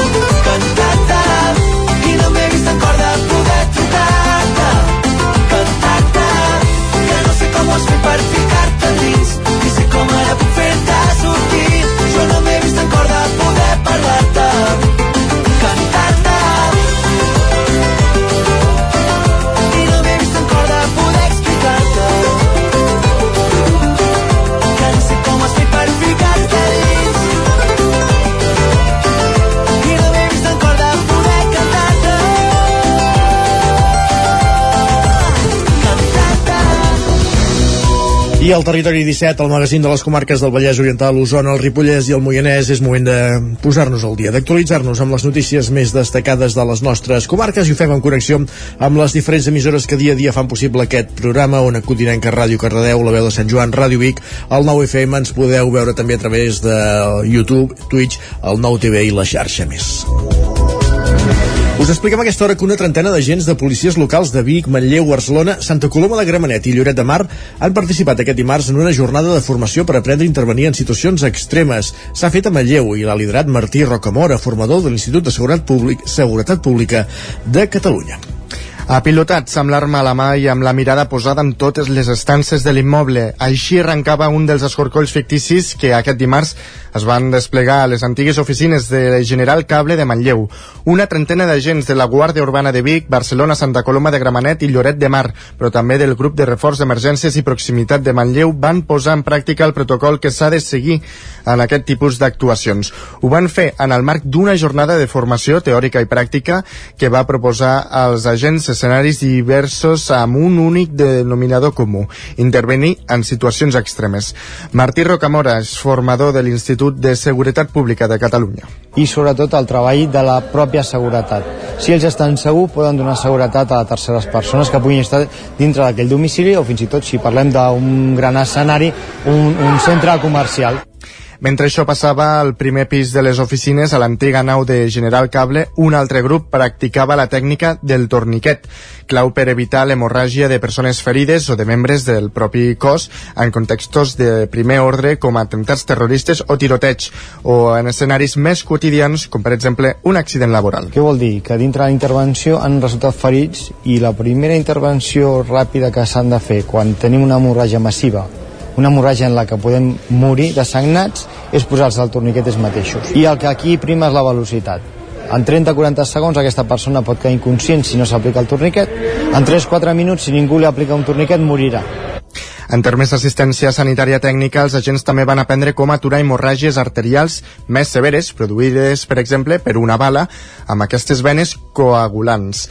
Eh, L'objectiu és que els agents de la policia local sàpiguin reaccionar davant d'aquests escenaris d'alta complexitat on habitualment són els primers d'arribar. Moisés Jiménez, el cap de la policia local de Manlleu. quan hi ha aquest, aquestes, aquestes situacions la policia que arriba, més, eh, que arriba primera és, la, és la, la policia local perquè normalment és la més pròxima llavors s'ha de fer un, un procediment molt concret per, per eh, poder aturar aquella situació no? llavors eh, és això el que estem eh, mirant de, de, de, de formar-se Una formació clau pel grup de reforç d'emergències i proximitat que va incorporar-se a la policia local de Manlleu ara fa dos mesos. Arneu Rovires, el regidor de Seguretat de l'Ajuntament de Manlleu. Són cossos de referència en aquesta mateixa matèria. Ells tenen més experiència que nosaltres, però sí que treballen en el mateix eh, sentit que, que la nostra unitat i per tant aquesta combinació penso que per Manlleu és molt bona perquè ens podem nutrir de coneixements que ells tenen i nosaltres amb aquesta curta experiència que tenim ja ara també els hi podem aportar doncs, experiències eh, nostres, però sobretot per tenir una, una formació continuada perquè el servei de cara al ciutadà i, i també de cara al mateix policia sigui el millor possible. La formació continuarà avui a l'antiga General Cable. Més qüestions encara en l'àmbit de la seguretat. Els ajuntaments del Ripollès demanen posar càmeres de videovigilància a les principals entrades de la comarca. Isaac Muntades, la veu de Sant Joan. Ja fa alguns mesos que l'Ajuntament de Ripoll va aprovar una moció per instal·lar càmeres de videovigilància als principals accessos de la comarca del Ripollès per augmentar-ne la seguretat arran dels diversos robatoris que s'han produït darrerament. El consistori Ripollès va instar el Consell Comarcal a proveir-los d'aquestes càmeres i ara tots els ajuntaments s'hi estan sumant. Tant els Mossos d'Esquadra com la policia local veuen convenient utilitzar aquestes eines perquè la majoria de lladres i delinqüents utilitzen un vehicle per fugir del lloc dels fets. Així doncs, s'instal·laran càmeres a l'entrada sud de Ripoll i més concretament a la rotonda del supermercat Esclat a la C-17, a l'entrada nord de Ripoll en la confluència amb la carretera de Ribes, a la Nacional 260 amb la confluència de la C-38, a la Collada de Toses a Ribes de Freser, a la Nacional 260 a Vallfogona de Ripollès i Planoles i a la C-38 a Molló. L'Ajuntament de Can Demànol va aprovar un al darrer ple amb l'únic vot contrari de la CUP. Així ho justificava la regidora copaire Mariona Baraldés. A part de que ja sembla el gran germà això, de que controla i domina tot, que creiem que és que el que s'ha de fer no és posar càmeres, és saber per què hi ha delinqüència, per què hi ha inseguretat, no? Segurament és perquè doncs, hi ha molta gent que no té un plat a taula, que no té una feina segura, que, vull dir que jo crec que s'ha de fer el plantejament des de l'altra perspectiva, no? Vull dir, clar, és molt fàcil fer la lectura. Hi ha molta delinqüència, hi ha molta... I a sobre moltes vegades se, se, es vincula a la immigració, perquè això és un altre pas que es fa. A Can de Bànol hi ha hagut dos robatoris fa poc a l'urbanització de Vista Alegre. En un cas és el segon cop que els hi roben en només un any de diferència i en ple dia. El veí afectat va entrar a una instància per demanar una reunió amb els Mossos i l'Ajuntament. Per altra banda, en un altre domicili van robar-hi una joia, un portàtil i dos anoracs d'esquí, també en ple dia i sense esperar que no hi fossin els propietaris. L'alcaldessa Dolors Costa veia totalment necessària aquesta acció de posar càmeres. Tot i que, que al final acabi semblant un gran hermano, però jo penso que la seguretat està per davant de, de qualsevol altra cosa. Potser eh, podrem dedicar pues, a que la patrulla dels Mossos d'Esquadra pugui patrullar més i si tenim càmeres d'entrada a la comarca que ens ajudin doncs, a controlar almenys tots els cotxes que entrin i, la, i les matrícules. El regidor d'Esquerra Republicana, Toni Riera, també va votar-hi a favor perquè es tractava d'un tema de seguretat i per atrapar els lladres i delinqüents. Gràcies, Isaac. En plana política, l'Ajuntament de Torelló, l'equip de govern de l'Ajuntament de Torelló, aconsegueix aprovar el pressupost d'aquest 2023 amb 6 vots a favor de l'equip de govern i 10 abstencions. L'aprovació va perillar fins a última hora perquè per l'absència d'un dels regidors de l'equip de govern, Sergi. Una cadira buida de l'equip del govern podia comportar que, malgrat haver arribat al ple els pressupostos de l'Ajuntament de Torelló d'aquest any, quedessin penjats. La previsió era que el PSC votés en contra i hi havia la possibilitat que la CUP també ho fes després que es trenqués l'acord d'abstenció. Això podia suposar un empat a 7, ja que amb Junts van pactar abstenir-se i hagués fet falta el vot de qualitat de l'alcalde per desempatar. En falta, en falta un regidor republicà al govern podia tastar de nou la minoria. Finalment, però, els tres grups de l'oposició es van abstenir. Jordi Rossell és el portaveu de Junts per Catalunya a l'Ajuntament de Torelló i Joan Carmona, el del PSC. Sabem que ens heu vingut a buscar perquè no teníeu clar que els demés grups amb qui havíeu pactat anteriorment els altres pressupostos us ajudessin a aprovar-los. Nosaltres la responsabilitat la tenim. Els que són uns irresponsables són vostès. Dit això, ens abstindrem, ja que les eh, propostes que varen presentar han estat ac- acceptades. El nostre grup del PSC va optar per no fer-ne, no perquè no tinguessin, però sí per la manca de confiança en aquest, en aquest equip de govern, que ja, ja que pensem que tal com va passar en les altres propostes fetes per el nostre grup, que no estem gaire contents, dubtem que si arribessin a fer s'arribin a materialitzar. La manca de confiança va ser la que van retreure des de la CUP en la seva argumentació, ja que encara se senten traïts perquè Esquerra també va negociar els pressupostos amb Junts.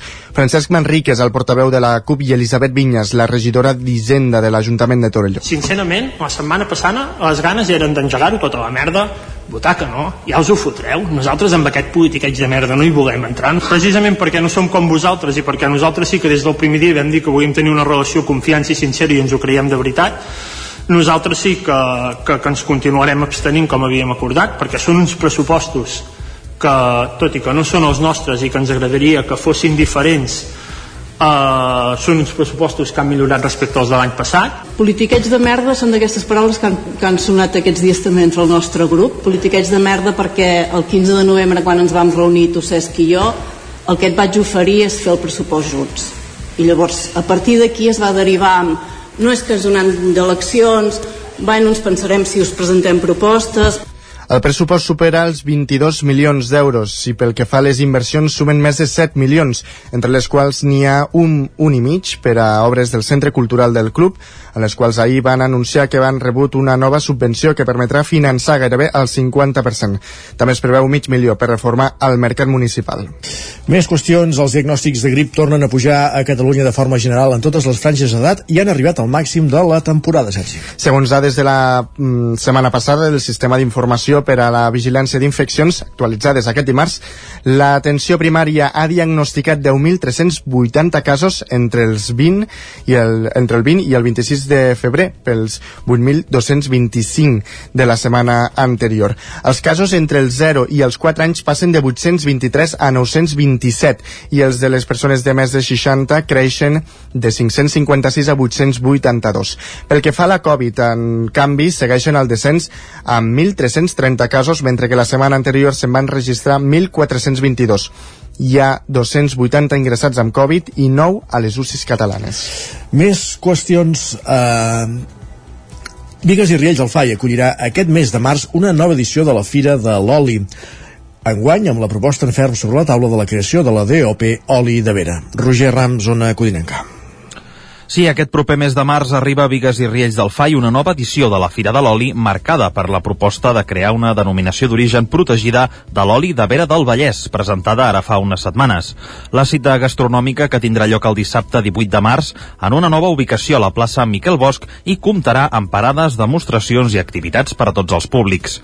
Una de les principals novetats en aquest certamen és que la Fira de l'Oli passa de ser local a ser la Fira de l'Oli del Vallès. Aquest canvi, com dèiem, està motivat per la proposta proposta de la creació de la DOP Oli de Vera impulsada pels productors d'oli ballesans. Toni Verdugo, regidor de Promoció Econòmica de Vigues i Riells del FAI, explica algunes de les novetats que hi haurà enguany. S'ha creat un, una associació de productors d'oli que busquen uh, la denominació d'origen d'aquest oli. I s'està treballant per aquesta denominació d'origen. També s'està treballant per, per un segell de qualitat però és una cosa diferent a, a nivell més proper a nivell de, de Catalunya. Bé, aquest any hi ha hagut un, un petit canvi, com veureu, la Fira de l'Oli del Vallès. La sequera, però, també serà protagonista en aquesta fira, ja que, en comparació amb altres campanyes, la producció d'oli ha estat inferior en guany i això ha provocat que alguns productors de la zona ja no tinguin oli per vendre. És per això que l'organització ja ha plantejat avançar l'edició del 2024 a principis de febrer. Tenim unes 30 parades confirmades. Aquest any tenim el problema que hi haurà menys productors eh, d'oli perquè la, la producció ha sigut més minsa i aquestes dates doncs, hi ha alguns productors que ja no tenen oli per vendre. Que no es torni a passar com aquest any, que un any que hi hagi poca producció d'oli, els productors no tinguin per vendre. L'activitat acabarà dilluns dia 20 de març amb una trobada gastronòmica a l'hotel Molí de la Torre on s'exposaran les possibilitats de l'oli de vera a la cuina. Gràcies, Roger. Encara el Vallès, en la pàgina cultural, mostra curtmetratges dels Premis BOC al cinema Esbarjo de Cardedeu. Els Premis, el, el cicle BOC, organitzat per Òmnium Cultural pel Grau Ràdio Televisió Cardedeu. El cinema Esbarjo s'ha fet una mostra dels curtmetratges dels Premis BOC. Han estat quatre curts de ficció i uns documentals titulats Sisè Primària, Latència, Últim dia d'estiu, S'altra banda i La Masia, on ha destacat sobretot l'humor. Ens ho explica Oriol Gassuir, d'Òmnium Cardedeu. És l'acrònim de versió original en català i és un festival de curtmetratges que organitza Òmnium Cultural, que és la setena edició, i que arriba també a Cardedeu, com cada any perquè estan presents des de la primera edició. Els Premis BOC és un projecte impulsat per Òmnium Cultural amb la finalitat d'estimular la producció de continguts audiovisuals de qualitat en la llengua catalana, contribuir a la seva difusió i ampliar-ne al públic. A Cardedeu ja fa diversos anys que anualment es du a terme la mostra de curtmetratges. Òmnium té grups de treball en tot el territori dels països catalans i quan va aparèixer la primera edició que es va fer del BOC, que la va promocionar en Jordi Cuixart, doncs va semblar que era un projecte molt interessant i vam ser dels pocs pobles que va començar el BOC. Crec que la primera edició érem com 5-6 pobles de tot Catalunya que es començava. Els curtmetratges es poden veure en diferents sessions a més de 90 sales fins al 16 de març. Gràcies, Pol. I a la pàgina esportiva, Pere Alzina continuarà com a delegat de la Federació Catalana de Futbol a la comarca d'Osona, Sergi. La candidatura que representa la de Joan Soteras es va imposar en la repetició de les eleccions de l'ENS.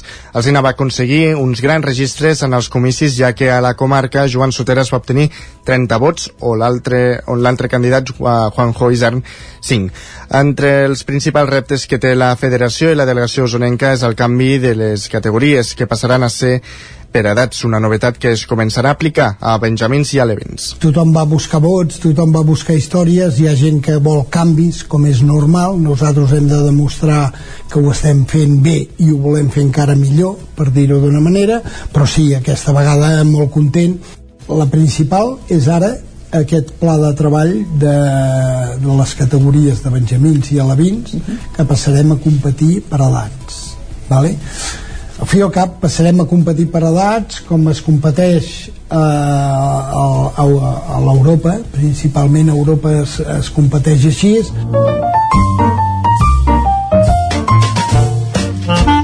Casa Terradellos us ofereix el temps. Moment per la previsió del temps. Tornem a una codinenca. Pep Acosta, bon dia. Hola, benvinguts a l'Espai del Temps. Aquest serè es mantindrà tot el, tot el matí d'avui, eh, molt pocs núvols, un dia molt tranquil, i eh, l'única notícia és que el vent serà bastant important, bastant fort, cap a la zona del Pirineu i també els cims més alts de, del Peitoral, de la Transversal i de les Guilleries. Un vent de nord que bufarà entre els 50, 60, 70 km per hora a tot estirar. De cara a la tarda eh, pot créixer una nuvolada cap, a, cap al nord-est, cap a, cap a aquestes mateixes zones, cap al Montseny, cap a les Guilleries, cap al Pirineu, però sense conseqüències. Avui no hi haurà cap pluja. Eh, malauradament no es veu un temporal de pluja fort per enlloc. Eh, llàstima, llàstima aquest, aquest últim episodi de pluja de neu que no ha sigut eh, molt important uh, ha sigut uh, està sent molt important als Balears. A les Balears sí que ha estat un, un temporal de puja de neu molt important. Els primers mapes deien que aquest temporal afectaria, ens afectaria a nosaltres uh, i estem que al final se'n va anar, s'ha anat cap a les Illes Balears. Hagués pogut uh, hagués sigut molt important aquest temporal i ens hagués pogut afectar de manera directa però al final se'n va anar cap a les Balears. No hi ha manera que ens afecti eh, un temporal de pluja important i és que la sequera eh, no para d'accentuar-se ja hi ha noves mesures aplicades i se n'aplicaran més ben aviat perquè és que no es veu un temporal de pluja important per enlloc, eh? notícies molt, molt dolentes. Moltíssimes gràcies i ens, ens escoltem una altra vegada demà. Adeu.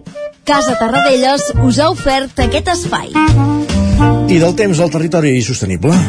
Saludem en Jordi Givert, que avui ens parla de vespa asiàtica. Jordi, bon dia.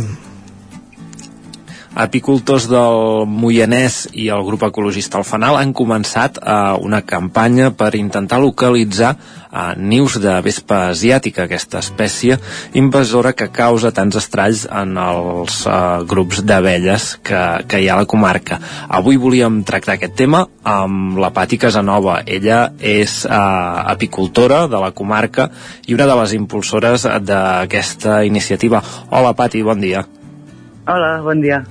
Uh, Pati, per començar, uh, entenc que uh, les abelles deuen ser les, les primeres afectades de, de l'arribada d'aquesta espècie, de la, de la vespa asiàtica, uh, al nostre territori. No sé si ens podries explicar quin, quin, quins són els problemes que generen uh, als apicultors i, i concretament a, a les abelles.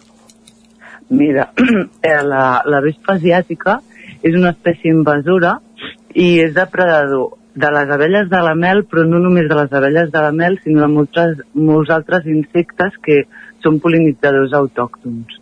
Uh -huh. Llavors, aquest depredador afecta, afecta eh, indirectament, a part, de, a part dels insectes polinitzadors, a, a la polinització, podria afectar la polinització d'arbres fruiters, de correus, de plantes silvestres i de la producció de la mel també. Uh -huh. I per tant també afecta l'equilibri de la natura i a la seva biodiversitat. Uh -huh. uh, clar, uh, no sé si teniu controlat uh, o ens pots uh, posar en situació de quan va arribar la vespa asiàtica, quan n'hi ha molta ara actualment. No sé si ens pots explicar una mica la, la situació aquí al Moianès, Catalunya Central. Mm, pel que jo sé, fa uns 4 anys que, que la vespa velutina ha arribat al Moianès. El que passa que cap any com el passat 2022, la temporada passada. N'has dit vespa velutina, és, és com, en, És com, la, com la coneixeu, uh, Sí. la vespa asiàtica, no? Dins Sí. nom més uh, tècnic. Sí, sí, sí, sí, sí. Vale. Uh, llavors, uh, ara vosaltres des del FANAL uh, comenceu una campanya per, per intentar uh, uh, combatre-la, diguem-ne. Uh, que, En què consisteix exactament? Correcte. Mira, aquesta campanya té com a objectiu frenar la proliferació de, la, de les reines de vespa velutina mitjançant el trampeig de les reines fecundades. Uh, si voleu us explico així ràpidament el cicle de la vespa asiàtica i per poder entendre una mica per què hem començat ara la campanya. Sí, sí, ens interessa Ah. saber, el, saber els detalls, diguem-ne. Sí. Del, dels nius aquests grans que podem veure ara mateix a dalt dels arbres, que es diuen nius secundaris, Uh -huh. aquests nius uh, estan inactius.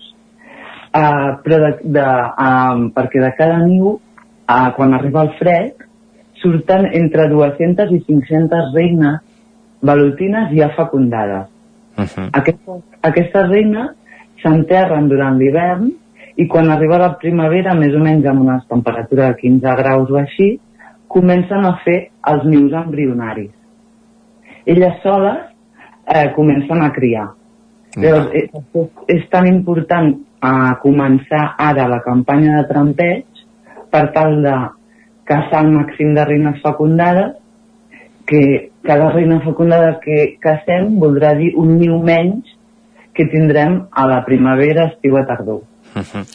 Uh, clar, com, com feu aquest, aquest trampeig? O sigui, i, i la segona pregunta, en què ens hem de fixar per, per avisar-vos, no? O sigui, el vostre objectiu és que uh, avisem al fanal, us avisem als apicultors si, si trobem una d'aquestes uh, avespes uh, fecundades, no? bueno, eh, per començar la campanya de trampeig, que encara l'estem organitzant, eh, és important detectar els nius de la temporada anterior, que són aquestes boles tan grans que podem veure dalt dels arbres. Llavors, eh, molt important, la crida que hem fet a la ciutadania és que quan es localitzi un niu d'aquest, se'ns avisi per, a partir d'aquests nius començarem a organitzar el trampeig. Uh -huh. Aquests nius eh, cal dir que ara mateix són, estan inactius i no tornaran a estar actius. Les reines que van marxar d'aquests nius eh, comencen un niu embrionari i a la primavera-estiu faran uns nius secundaris nous. No tornaran als anteriors. Eh, llavors, és molt, bueno, la crida que, que estem fent, que creiem que és molt important, és això, no tots els nius que es localitzin al Moianès Uh -huh. que se'ns avisi per poder-los mapejar, ubicar-los, necessitarem la ubicació i una fotografia i a partir d'aquí podrem organitzar el trampeig. Uh -huh. Uh, D'acord, o sigui que l'important és trobar primer ara els, el, el rusc de, els nius uh, de, de la- l'any passat que no es tornen a reaprofitar, no? I a partir d'aquí entenc que al voltant d'aquests nius és on uh, s'han amagat, diguéssim, les, la, les reines que, que, fa, que faran els nous nius d'aquesta primavera. Sí, correcte. D'acord. Uh, com, com, com us hem d'avisar? Com hem d'avisar la gent? Uh, via, via el fanal es coordina tot? Sí, uh, bueno, vam fer un cartell uh, iniciant la campanya de cens de nius i allà en el cartell hi, hi ha un número de telèfon i via WhatsApp uh, es poden es po uh, bueno, enviar la ubicació i la localització i, i, la, i la fotografia. Mhm. Nosaltres recomanem seguir ara doncs, les, les xarxes de, del Fanal que, que està fent la, la difusió de tota aquesta informació perquè la gent que, que viu a la, pel territori o que sàpiga que té un, un niu a, a prop eh, que, ho, que, us ho pugui, que us ho pugui alertar. Eh, no sé si des de les institucions eh, eh, ajuntaments, Consell Comarcal eh, Generalitat hi ha algun protocol d'actuació cap a la vespa asiàtica? Existeix un protocol de la Diputació i algun protocol de la Generalitat, el que passa que no són massa específics. Nosaltres actualment ens estem centrant en, en això que hem explicat ara i a part treballant en contacte amb el màxim de gent del territori perquè és molt important, creiem molt important implicar tothom Mhm. en aquesta campanya. a nivell de comarca del Moianès, no sé si contacta amb ajuntaments, eh, com, com ha estat la, la rebuda de la iniciativa, diguem-ne, a nivell de, de comarca. Mm, oberta. Tothom, bueno, ha estat molt acceptada i tothom té moltes ganes de posar-s'hi. De moment estem treballant en això. Uh, ens parlaves que, clar, un cop uh, hagueu censat ara aquests, uh, aquests nius, després fareu el, el trampeig. Com funciona aquesta part d'aquest aquest següent pas que, que fareu més endavant? Mira, el, el que us convido, perquè el, tram, el trampeig i tot plegat és important que tots anem a una i que ho fem d'una d'una mateixa manera. Sí. Llavors, el proper dia 1 de març, Uh -huh. a les 7 de la tarda, a l'Auditori de Sant Josep de Moià, farem una xerrada informativa sobre la vespa asiàtica al Moianès i la situació i control. I allà, I allà informarem de tot plegat. Molt bé. També et volia demanar sobre, tu que ets apicultora, uh, clar, ens, ens has comentat que l'any passat era l'any amb més, uh, uh, més presència de la, de la vespa velutina, uh, ho dic bé? Uh, de la vespa velutina. Uh, quin impacte ha tingut sobre, sobre la producció de mel, sobre les abelles? Uh, és un depredador, ens explicaves. Uh, ho heu notat els últims anys, una davallada de, de producció o de, de pèrdua de- d'abelles? Sí, sí, sí, moltíssim, s'ha notat moltíssim. Uh -huh. no, sé, no sé si podries uh, donar-nos unes dades de no, hem perdut tanta producció hem perdut uh, tant nombre de- d'abelles almenys en el teu cas, si d'un cas Bueno, qu- quantificar-ho així amb un número no, no t'ho sabria dir, però s'estan perdent moltes caixes d'abelles i, i, i la producció de mel ha disminuït moltíssim.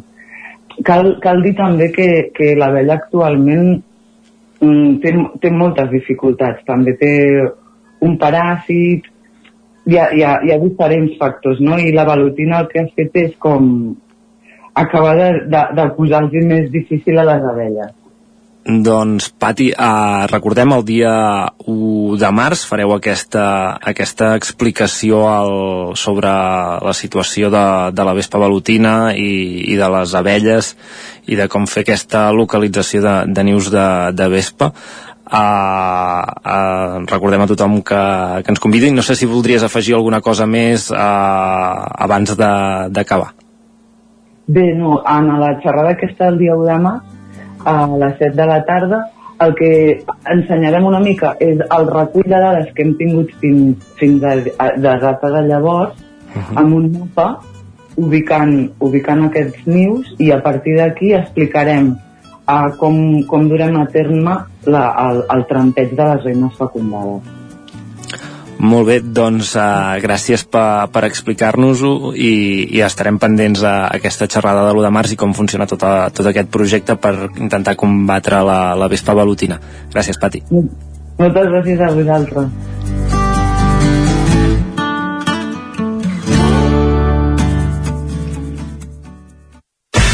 El nou FM, la ràdio de casa, al 92.8. Bon dia, us truco del servei tècnic oficial de Bailand. Hem detectat que la pressió de la seva caldera està baixant. No me n'havia adonat. Com es pot solucionar? Ho resoldrem en uns minuts. No espereu més. Amb el servei de manteniment ServiPlus Connect de Bailand, preocupeu-vos del que realment importa. Nosaltres ens encarreguem de la vostra caldera. Informeu-vos a connectivitat.bailand.es. Cefusol, centre de formació de soldadura GURB. Som especialistes en processos de soldadura. Disposem d'instal·lacions totalment equipades per classes de teòrica i pràctica amb cabines individuals i equipaments de seguretat. Assessorem empreses i oferim cursos subvencionats i bonificats. Vine i t'informarem. Cefusol, som al carrer Sant Roc, número 9 de GURB. Telèfon 664 206 192. També ens trobaràs a cefusol.com i a YouTube. Les biblioteques municipals també som més que un club. Amb més de 2 milions d'usuaris, som el club amb més carnets. A la xarxa de biblioteques municipals de la província de Barcelona compartim lectures, cultura i coneixements. Només hi faltes tu. Visita bibliotecavirtual.diva.cat. Fes-te el carnet i gaudeix de tots els seus avantatges. Diputació de Barcelona. Ser a prop vol dir veure les coses més bé. Apropa't al que t'interessa amb la xarxa Més. La teva plataforma audiovisual de qualitat, proximitat i gratuïta. Gaudeix dels continguts de més de 30 televisions locals i podcast quan, com i on tu vulguis. Entra a la xarxa més.cat i descarrega't l'app.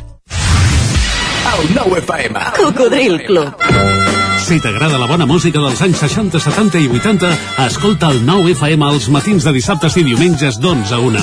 És el temps del Cocodril Club, tot un clàssic de la ràdio, amb les bases del pop-rock, les llegendes, les cançons que s'han convertit en autèntics himnes. Recorda, dissabtes i diumenges al matí, d'11 a 1, al 9 FM 92.8. Cocodril Club, el programa revival de l'Albert Malla. Hasta Anuncia't al 9FM. La màquina de casa. 9 3 8 8 9 4 9 4 9 Publicitat arroba al 9FM.cat. Anuncia't al 9FM. La publicitat més eficaç. Bon dia, són les 9 al Territori 17. La Miquel Parella comptada. Cada matí i durant dues hores t'acompanyem i et posem al dia de l'actualitat de casa nostra. Potenciant així l'autonomia En aquest cas me la peça el si no... Cursos per feminitzar el pensament masculí. Territori 17, el magazín matinal d'Osona, el Moianès, el Ripollès i el Vallès Oriental. Que la meva àvia de 93 el anys... 9 FM, el 9 TV, el 99.cat i també els nostres canals de Twitch i YouTube. demà per fer-se un tatuatge. Cada matí, Territori 17. Ole. El 9 FM, la ràdio de casa, al 92.8.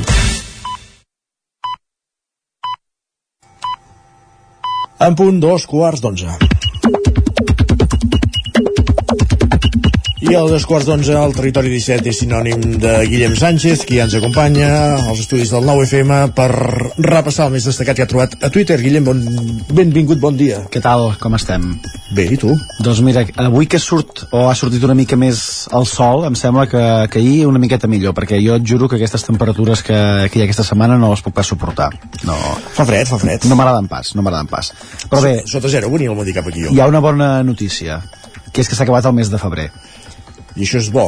Perquè, sí, perquè febrer sempre és sinònim de fred i és sinònim de rasca i és sinònim de temperatures baixes i de carnavals i de coses que, que ja està bé que passi. Doncs va, fem foc nou.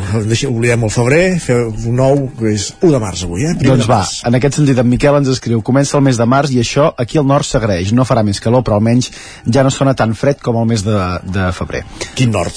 no ho sé, l'hauríem de demanar no sé si el nord de la comarca d'Osona o nord de Catalunya o nord de si més no nord Nord d'Europa. va, i és que si la paraula febrer sembla que porti, com dèiem, associada al fred a sobre, fred com el que passen els que es lleven ben d'hora i surten a fora. En Martí ens escriu les cebes tenen capes. Els estudiants també en porten moltes per sobreviure al tremendo fred. Bé, i no només els, els estudiants, perquè Estudiant rei, que ara, que ara tenen forros polars a la nostra època. per això i que, res d'això. i que es foten a classe ben, ben, ben ràpid, que la calefacció deu estar a 27 o 21. Sí, això, 20... calefacció, n'hi ha. aire condicionat és una altra cosa, però sí que calefacció en tenen. Va, i la Paula és molt contundent en aquest sentit, ens escriu com algú em torni a dir que prefereix el fred, li arranco el cap. Eh, què passa? Eh, calma, calma, calma. Podem Però, viure, eh, també. però aquesta època de l'any té coses molt bones, sobretot en l'àmbit gastronòmic. Jo només et, et plantejo això que ens han dit amb el... L'àmbit gastronòmic, els del fred són els vegans o són els de la calor? Que... Buf, ara, ara aquí entraria un no em fiquis en un fregau, Isaac, del qual no, no vull entrar per, per no haver-ne de sortir tampoc. D'acord, va. Ens escriuen, plat d'escudella, el que ara en diuen sopa de brou amb pasta, i de segon, la pilota amb la patata, el millor àpat d'hivern, i mandarines per postres. Això se'n diu escudella i carn d'oll tota la vida. Correcte, més un, més dos, més tres i més, i més deu. Tot i que l'aportació que li fan en, aquesta, en aquest missatge jo no l'havia sentit mai. Aviam, va. Ens diuen a favor de tot i de vegades la pilota arrebossada. Carai, aquesta no l'havia tastat encara. Molt Jo no l'he no provat i adjunten un parell de fotografies que no fa pas mala pinta la no, no, pilota no, arrebossada. no, no, va pas ser mala idea, no. Va, i també és una època de l'any en què ens posem molt contents amb qualsevol petit detall i petita cosa. La Clàudia ens escriu seus un ratet al sol en ple hivern i la teva vida millora de cop. Agafar aquella, aquelles insolacions i aquelles coses... Aquells no 10... a, ara l'hivern no passa pas, no pateixis. No, però aquells 10 minuts que toca el sol, que et poses així amb els braços oberts i sense haver de pensar en res, ostres, això, Sí, sí, és, això, és, això és glòria. És gust. Va, jo m'apunto també a la petició del segon usuari que ens escriu ja hem vist nevar i ja ha sigut massa hivern. Pot arribar ja l'estiu d'embogimenta? Ganes d'estiu. Ganes de- d'estiu i de temperatures altes. Va, i vigileu si aneu per la capital perquè es pot passar... eh, Quina, us- quina, quina capital ha? la de Catalunya. Entesos. Perquè us pot passar això que li va... No volguessis dir la d'Osona o la del Vallès Oriental, no? Us pot passar el que li va passar a l'Àlex, que ens diu he vist un animal corrent cap a la sortida del parc de la Ciutadella, podia ser qualsevol parc, diria jo, i l'he seguit perquè sóc bona persona i innocentment he pensat que podia ser un gos perdut. Diu, posteriorment he descobert que era una rata d'unes dimensions preocupants. Carai. Diu que igualava l'altre dia i corria un vedell. Ves? Com, com, com que un vedell? En sèrio? Què vol dir això? Oh, doncs que es va escapar un vedell de Sant... No, de... en fi, del poble aquell on hi ha en, on viu el pilot aquell que sempre guanya els Dakars, el que, eh, en fi, és igual. de Castellfollit del Bosch. Es va, es va escapar un vedell i va anar per Igualada. I ho Si explicaven més- ahir l'està passant. Si més no, la persona que el devia veure suposo que va identificar d'entrada ja que era un vedell i no el va Sí, confondre amb alguna altra cosa. Una no? Diu que encara el busquen per això, eh, que es va perdre pel bosc. Mare de Déu. Vaja, aquesta resposta m'ha fet gràcia. Fixa't, Isaac, que ens diuen anava acompanyada de quatre tortugues i una periodista molt atrevida. Dic, no, no eren les tortugues ninja i no era, no era cap sèrie de, de televisió ni de dibuixos animats. Caram. Va, hi ha dies que costa més anar a la feina que d'altres i en Ramon ens fa una pregunta en aquest sentit. Pregunta, Ramon, va. Si en Sofati no pot anar a treballar per tenir uns genolls de mantega, jo també hauria de quedar-me a casa després del tremendo partidazo a l'Olímpico de Canyelles i tenir els bessons més tissos que, que, que sí, no? Home, ja si et fessin la baixa o no haguessis d'anar a treballar després dels partidets amb els amics que et pots fer, ja, ja seria descomunal, això. Descomunal. Va, però la feina també es generen bones oportunitats, com ens diu en Jordi, Ai, ai. que ens escriu Anem de festa. Aquest divendres tinc sopar amb els de la feina. Diuen que després em portaran a una discoteca que posen House. Espero que comencin per la primera temporada, que jo no he vist cap capítol. Acid House. Fa dies d'això, eh? Fa una mica de Aquelles dies. xapes amb les cares. Va, i per acabar, no molesteu avui a l'Èlia, que té bones notícies, Ja, i feina per endavant. Ens escriu, s'ha cobrat. Dia de comprar-se capritxos, és a dir, d'anar a fer la compra. I els botiguers que es freguen les mans. Contents, i ben, i ben, i ben contents. Molt bé, gràcies, Guillem. Va, parlem demà. Fins demà, Que vagi adéu-siau. molt bé. Territori 17, el 9 FM, la veu de Sant Joan, Ona Codinenca, Ràdio Cardedeu, Territori 17.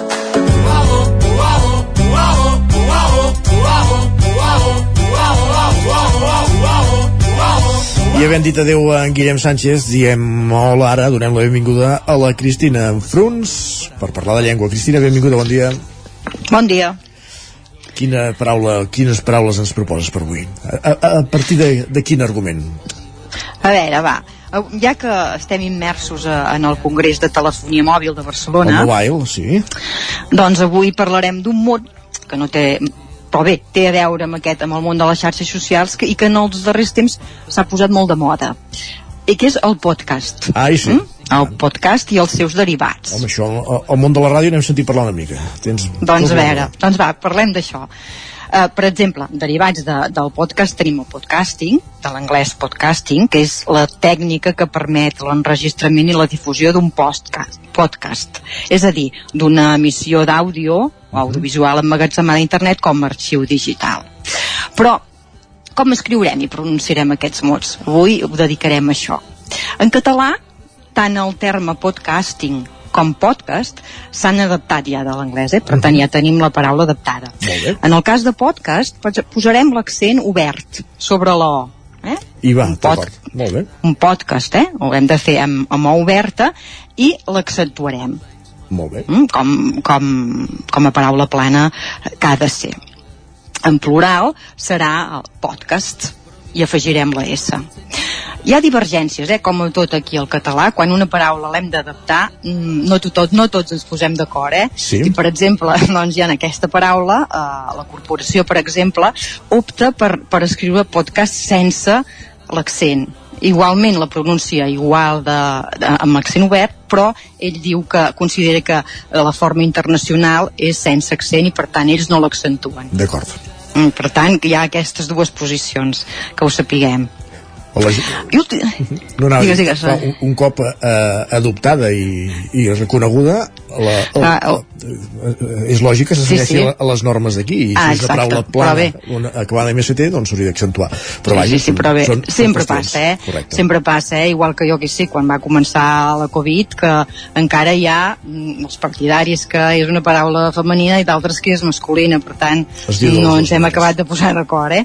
Però bé, aquest podcast, en principi jo defensaria aquesta, aquest accent aquí i paraula catalanitzada, per dir-ho així, eh?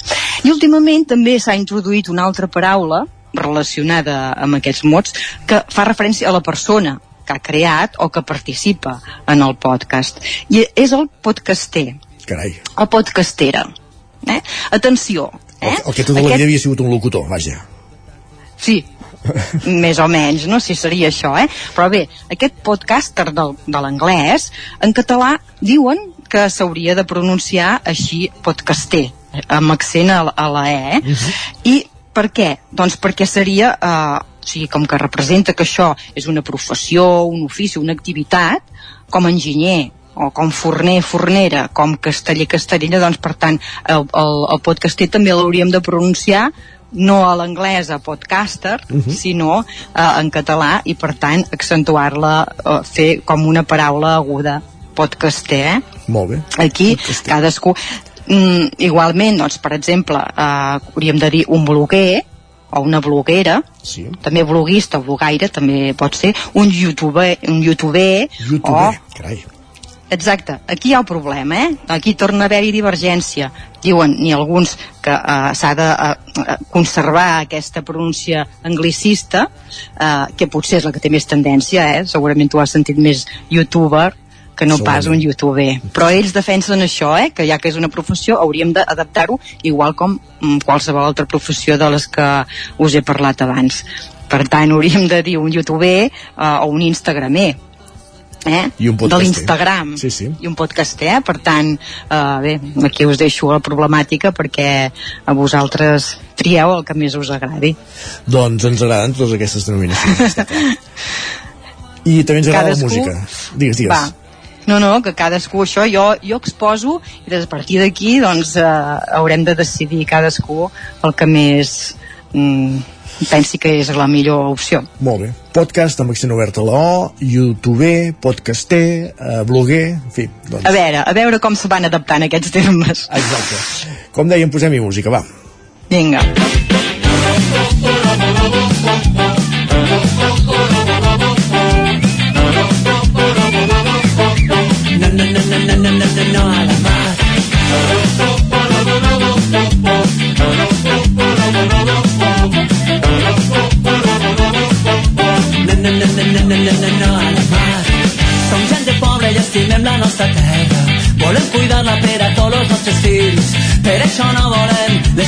as it feels.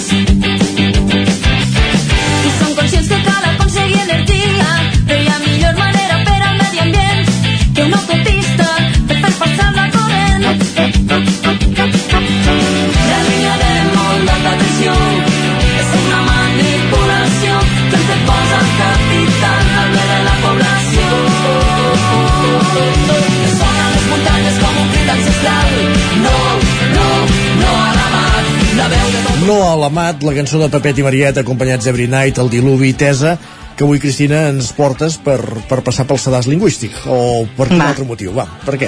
No, no, no, per això, simplement, com que és una cançó nova, fa molt poc que ha sortit, doncs bé, podem fer una mica de d'anàlisi de, del que podem trobar tot i que Doncs- està, són, aquests nois són, estan molt a prop del País Valencià veiem com pronuncien, però tot i així podem, podem comentar alguna coseta Doncs va, comentem. doncs va, comencem. La primera ja que, que segur que heu sentit, quan diu per fer passar la corrent. Eh? Aquesta ja l'hem de saber, eh? El corrent. Corrent és una paraula masculina, per tant ha de ser per fer passar el corrent i no costa res aquí eh, fer-ho en, en masculí, no? Correcte. Després hi ha una qüestió que surt mm, diverses vegades que quan diu, eh, ningú no, diu no l'ha amat, ningú no l'ha demanat. Quan hi ha paraules com aquestes, cap, enlloc, mai, ningú, eh, doncs eh, són en frases negatives i van davant del verb, pot ser que és optatiu, eh, afegir-hi el no per reforçar la negació. Generalment en, en registres formals eh, es, fa, es fa servir la doble negació, eh? però que sapiguem que tant podem fer-ho mm, posant-hi el no, com no, eh? O sigui, ningú l'ha demanat o ningú no l'ha demanat. És a dir, Totes llengua- dues formes Anava a dir, la llengua Sí. no és com les matemàtiques, que el menys per menys és més no. Aquí el no Aquí més no. no. és no, també, eh? Exacte, doncs pot ser que no o pot ser que sí. Correcte. Per tant, eh, podem posar-hi el no o podem, en aquest cas, ells li posen i està perfectament, és correcte perfectament, eh? però que sapiguem que també hi ha l'opció de no, no, no posar-hi, simplement és per suposo reforçar més aquesta negació. Molt bé. Més avall eh, diu danyen, les persones, danyen a les persones i destrueixen la terra. Recordem, el danyar és un verb transitiu, per tant, sense preposició. Danyen Danyen, les persones. Mm? Benefici, de, ells diuen beneficien. Mm? Uns quants. Beneficien, diu. Ells diuen beneficien. Sí. Eh, aqu- aquesta seria, la pronúncia castellana, en català seria beneficien. Mm? Paisatge també, aquí hi ha una S que eh, mm, fa una mica de mal, no? Eh, hem de fer-la eh, sonora, és una sola S, per tant ha de, ha de sonar sonora. I llavors hi ha l'expressió aquesta del Massora fins Morella, Sí. aquest fins eh, hauria de ser un fins perquè hi ha molts contextos que és optatiu eh? pots posar eh, per posar fins o fins a però en aquest cas com que es, es, està davant d'un nom sí que hauríem de mantenir la forma fins a i per tant hauríem de dir del Masora fins del Massora fins a Morella eh? en aquest cas, eh? perquè és un nom hi ha moltes altres, eh, moltes altres contextos que sí que podem triar treure aquest fins a i deixar-hi un en cas jo sí que hi hauria de, jo hi posaria el fins a i ja està Perfecte, doncs el no... Què et sembla? Molt bé. Ja hem analitzat aquesta cançó No a l'amat, com deien de Pepet i Marieta, Every Night, El Diluvi i Tesa. Tota aquesta secció quedarà condensada en un podcast que es podrà recuperar durant el dia d'avui i per sempre més a iVox, al 99.cat, etc etc etc. Gràcies, bé. Cristina. Vinga vosaltres adéu-siau Adéu-siau amb la Cristina Enfruns, amb Pepet i Marieta.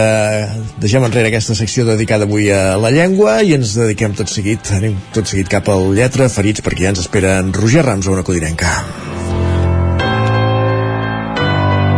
Territori, Territori 17. 17.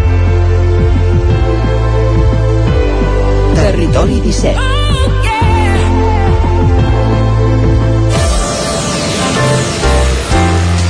Avui a la secció de Lletra Ferits anem a una codirenca per escoltar la conversa que en Roger Rams ha mantingut amb l'escriptor Lolo García, que aquests dies ha presentat el seu segon llibre dedicat a la vida de Francesc Mas Pons, un català il·lustre, ferm defensor de l'escola i la justícia en català, entre molts d'altres àmbits molt vinculat a Vigues i Riells, on ell mateix va escollir anar a morir. Roger Rams, benvingut de nou, bon dia. Doncs sí, com deies, Isaac, avui ens hem volgut fer ressò d'aquest nou llibre sobre la vida de Francesc Maspons i per això m'acompanya ja aquí en Lolo Garcia, el seu autor. Lolo Garcia, què tal? Benvingut. Hola, què tal? Moltíssimes gràcies. Avui et tenim aquí perquè, bé, eh, fa uns dies s'ha publicat aquest eh, segon llibre dedicat a Francesc Maspons, a la vida de Francesc Maspons, aquest eh, català il·lustre, no?, també eh, molt vinculat a, a Vigues, de Vigues i Riells del FAI, i volíem saber una mica, eh, conèixer primer de tot per què eh, has publicat aquesta segona obra de, de Francesc Maspons. Doncs mira, el primer motiu e- e- és, és ben simple i és que al llarg del 2022, concretament el 22 de, de juliol, es commemorava el 150 aniversari de, del seu naixement. I aleshores, doncs, parlant amb la, amb la gent de, de l'Ajuntament de, de Vigues i Riells, amb doncs, qui mantenim molt bona relació des de fa allà uns quants anys, doncs vam entendre doncs, que, que podia ser el moment eh, ideal per poder publicar aquest llibre. Al final, ha trigat una miqueta més, no, no pel treball en si, que això més o menys ja estava bastant eh, vestit, sinó perquè, bueno, per qüestions personals, justament aquells dies vaig, vaig ser pare i aleshores ho vam haver de- d'endarrir una miqueta. Però bé, el motiu bàsicament era aquest, eh, aprofitar doncs, amb l'excusa del 150 aniversari doncs, poder publicar una biografia extensa d'aquest eh, català il·lustre, com tu molt bé, molt bé comentes. Mm, perquè Francesc Maspons, per la gent que ens escolti que no és de Vigues i Riells, que evidentment és, és molta, eh, podem eh, fer cinc cèntims de qui era Francesc Maspons? Sí, Francesc Maspons i Anglesell, perquè després també hi havia en Francesc Maspons i Labrós, que era el seu pare, que també va ser una figura important en la seva contemporaneïtat. Doncs el fill, el Maspons i va ser una, un advocat, eh, més aviat jurista, es va, es va formar en, dret, però va exercir molt poc d'advocat, més aviat, més aviat es va dedicar a l'estudi de, del dret, i, i bé, va ser una figura doncs, eh, molt, molt rellevant eh, al llarg doncs, de, de finals de, del segle XX i sobretot doncs, tot el primer terç i bé, fins ben entrant la, la segona meitat de, del segle XX, ja que va viure molts anys, va viure 94 anys, i a més a més molt actiu fins pràcticament doncs, els darrers dies de, de la seva vida. I aleshores va ser una figura que va, que va destacar mm, perquè va tocar molts pals, no? com, com diem ara, vull dir, va ser un, un estudiós del dret, però va ser un, va reivindicar sempre doncs, la, la catalanitat de, del dret català, ell deia que, com ara, que s'havia fet una renaixença en l'àmbit de, de la llengua, de la cultura, però que era molt important també que es fes en el món de, del dret, aleshores doncs, va, va defensar sempre que, que Catalunya s'havia de regir pel, pel dret català, el seu dret tradicional, i no pas pel, pel dret castellà, però a més a més, doncs, eh, bé, va ser un... Sobretot va tenir dos, dos per mi, dos grans eh, elements que el fan molt interessant a ulls actuals, d'una banda doncs, que va ser un gran defensor de la integritat de l'Estatut de Núria, no? com, com ja se sap, doncs, l'Estatut de Núria de l'any 31 eh, s'aprova un cop es proclama Primera República Catalana i després doncs, eh, recupera la, la Generalitat. I eh, doncs, s'aprova inicialment a Catalunya, es redacta i s'aprova abans que no passa aprovés la, la Constitució republicana i això és molt important perquè després un cop eh, aquest estatut hagi de ser doncs, eh, discutit i aprovat a Corts Espanyoles, hi, hi haurà aquell eh, debat entre que, que, doncs, que si s'havia aprovat abans, el que no es podia fer després era aprovar una, una Constitució que anés en contra d'una part del contingut d'aquest estatut.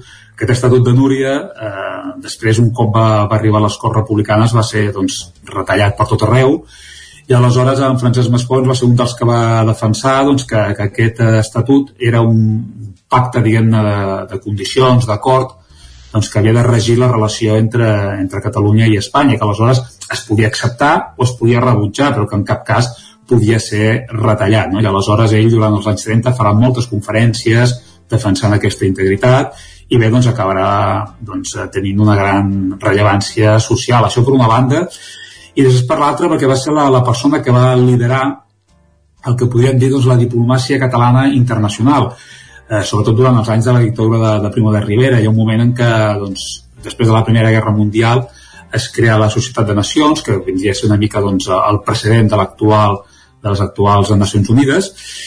Tenien la seu a Ginebra, allà a Suïssa, i aleshores, a, eh, a partir de l'any 25, eh, es comencen a celebrar uns congressos de minories nacionals que bàsicament el que feien era defensar doncs, eh, els drets i, doncs, i denunciar també les situacions de vegades de, una mica doncs, de, de persecució en alguns casos i bé, en tot cas a, a, els interessos d'aquelles minories nacionals que sobretot després d'aquesta Primera Guerra Mundial que les fronteres es van, es van moure sovint de vegades doncs, quedaven enclavades en estats on els quals no eren minoria no? des del punt de vista nacional.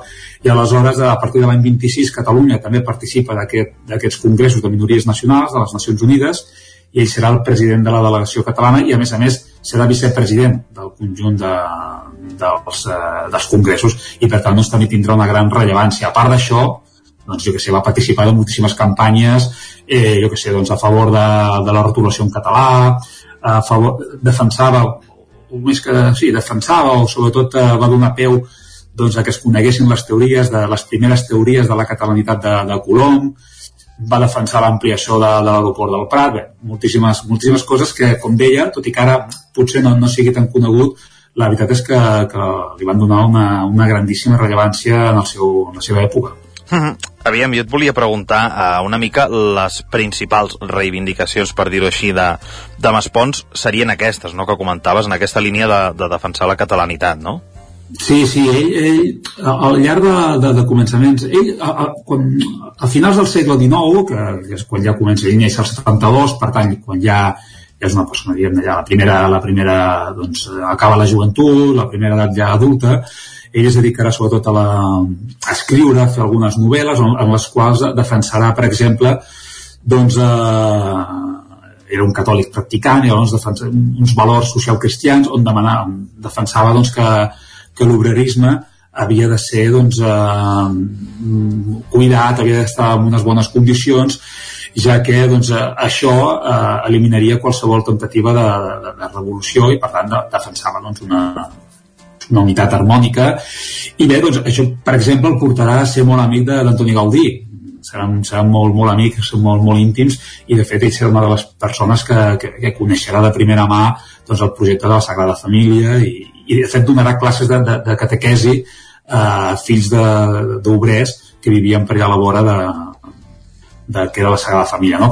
Després sí que quan, amb el tombant de segle ja, ja es dedica doncs, a, a defensar eh, aquesta catalanitat de, del dret eh, que havia de regir a, a Catalunya i un altre vessant important en aquests primers anys de, de segle XX també doncs, serà una defensa aferrissada de, de l'ensenyament d'un ensenyament públic de, de qualitat on a més a més hi hagi immersió lingüística en català, no? coses, conceptes que, que en aquell moment eren bastant, bastant moderns. No? Uh -huh. A partir d'aquí doncs, eh, evolucionarà justament doncs, eh, en aquest vessant de, internacionalista, podríem dir, no? de, de defensar doncs, arreu d'Europa, de, el cor d'Europa, doncs, aquesta, aquest conflicte, aquest plet que hi havia en aquell moment entre, entre Catalunya i, i Espanya, sobretot a més a més els anys. Després durant la República ho seguirà fent, eh? però sobretot també durant els anys de, de la dictadura de, de Primo de Rivera i potser doncs, l'altre gran element de gran rellevància és allò que dèiem, no? la, la seva defensa de la integritat de l'Estatut de, de Núria, que al final, doncs, des del punt de vista polític, eh, doncs, tant els d'Esquerra com els de la Lliga se'n desmarcaran, sent l'únic que, que realment ho defensarà fins a les últimes conseqüències en Carrasco Formiguera, amb Manuel Carrasco Formiguera, amb qui també doncs, eh, mantindrà una gran, una gran relació.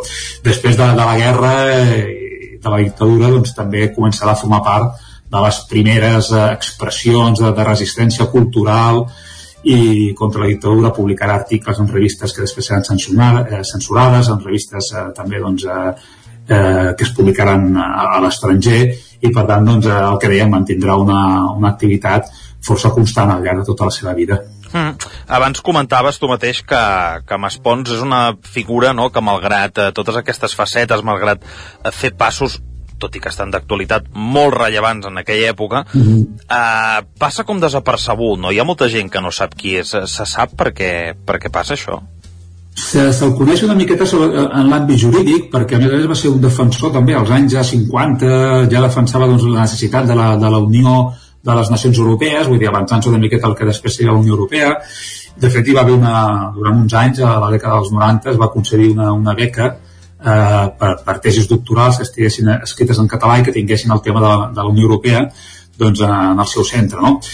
La veritat és que va ser una figura, eh, repeteixo, molt, molt rellevant socialment. Per exemple, quan durant els anys de la República, per posar doncs, un exemple que dèiem, doncs, eh, els actes oficials de, de, de la Generalitat parlava Francesc Macià, parlava Ventura, Ventura Gasol i parlava ell.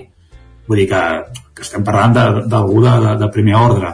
A més a més, hi ha la, la curiositat, l'anècdota, si ho vols dir així també, doncs que quan ell feia les seves, les seves eh, conferències, sobretot els anys aquests de, de, de, de la defensa de l'Estatut, ell anava per tot arreu, i era una passada en una època en què les comunicacions no són com les d'ara, no?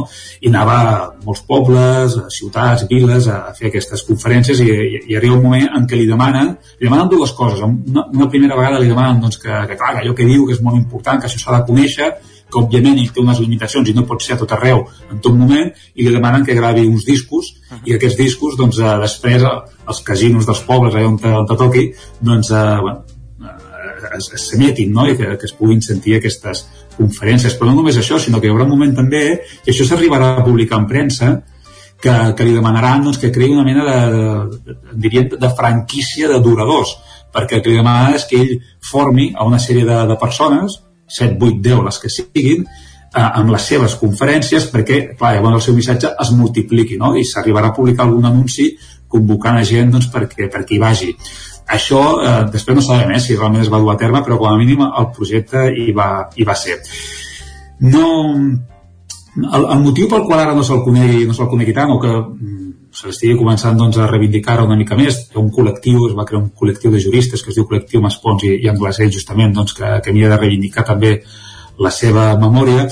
Eh, possiblement tingui a veure amb que, clar, ell, per una qüestió lògica, biològica, va morir l'any 66, amb ja 94 anys, per tant, 10 anys abans doncs, que poguessin dir que, que hi hagués no? una mica doncs, el tema de la transició, de l'anomenada transició, i en un moment en què, clar, ell era eh, ell era catòlic practicant, com dèiem, era una persona, doncs, eh, diguem que, que no seria de la mateixa corda de les, de les eh, forces que en aquell moment doncs, eh, capitalitzaven eh, el que era la, la lluita antifranquista, no? més aviat el, forces com el SUC, anarquistes, comunistes, i per tant doncs, no serien de la seva família ideològica, malgrat que, per exemple, doncs, de, des del SUC, la seva revista, doncs, eh, parlant força bé de, de Maspons i, i Anglesell, però òbviament hi ha que hi ha altres, altres figures a, a reivindicar. Uh, després ja sabem que quan, quan hi ha doncs, allò que dèiem la, la, la transició uh, a Catalunya doncs, allò que es podria doncs, uh, situar més aviat en les seves coordenades ideològiques que podria ser doncs, Convergència, Convergència i Unió mm doncs eh, en aquell moment eh, en Jordi Pujol, que l'havia conegut, el president Pujol, que havia conegut en la seva joventut a, a Francesc Maspons i, i Anglesell, sí que és una figura que, que en aquell moment eh, fa una miqueta doncs, eh, marquen una miqueta un tall i diuen, no, anem a mirar endavant, deixem allò enrere, Doncs eh, Lolo Garcia, moltes gràcies per compartir aquesta estona aquí amb nosaltres, a Lletra Ferits, i, i enhorabona per aquesta segona obra sobre Maspons. Doncs uh, moltíssimes gràcies per, per l'interès. Fins la propera. Gràcies a tu també, Roger, una setmana més per acostar-nos al Lletra Ferits. Acabem el Territori 17, us hem acompanyat des de les 9, Pol Grau, Isaac Muntades, Maria López, Pau Costa, Jordi Givert, Guillem Sánchez, Cristina Enfruns, Roger Rams, Clàudia Dinarès, Sergi Vives, Isaac Moreno. I tornem demà a les 9. Fins aleshores, bon dimecres, gràcies per ser-hi. Adéu-siau. 17. Un magazín del nou FM. La veu de Sant Joan, Ona Codinenca i Ràdio Cardedeu amb el suport de la xarxa.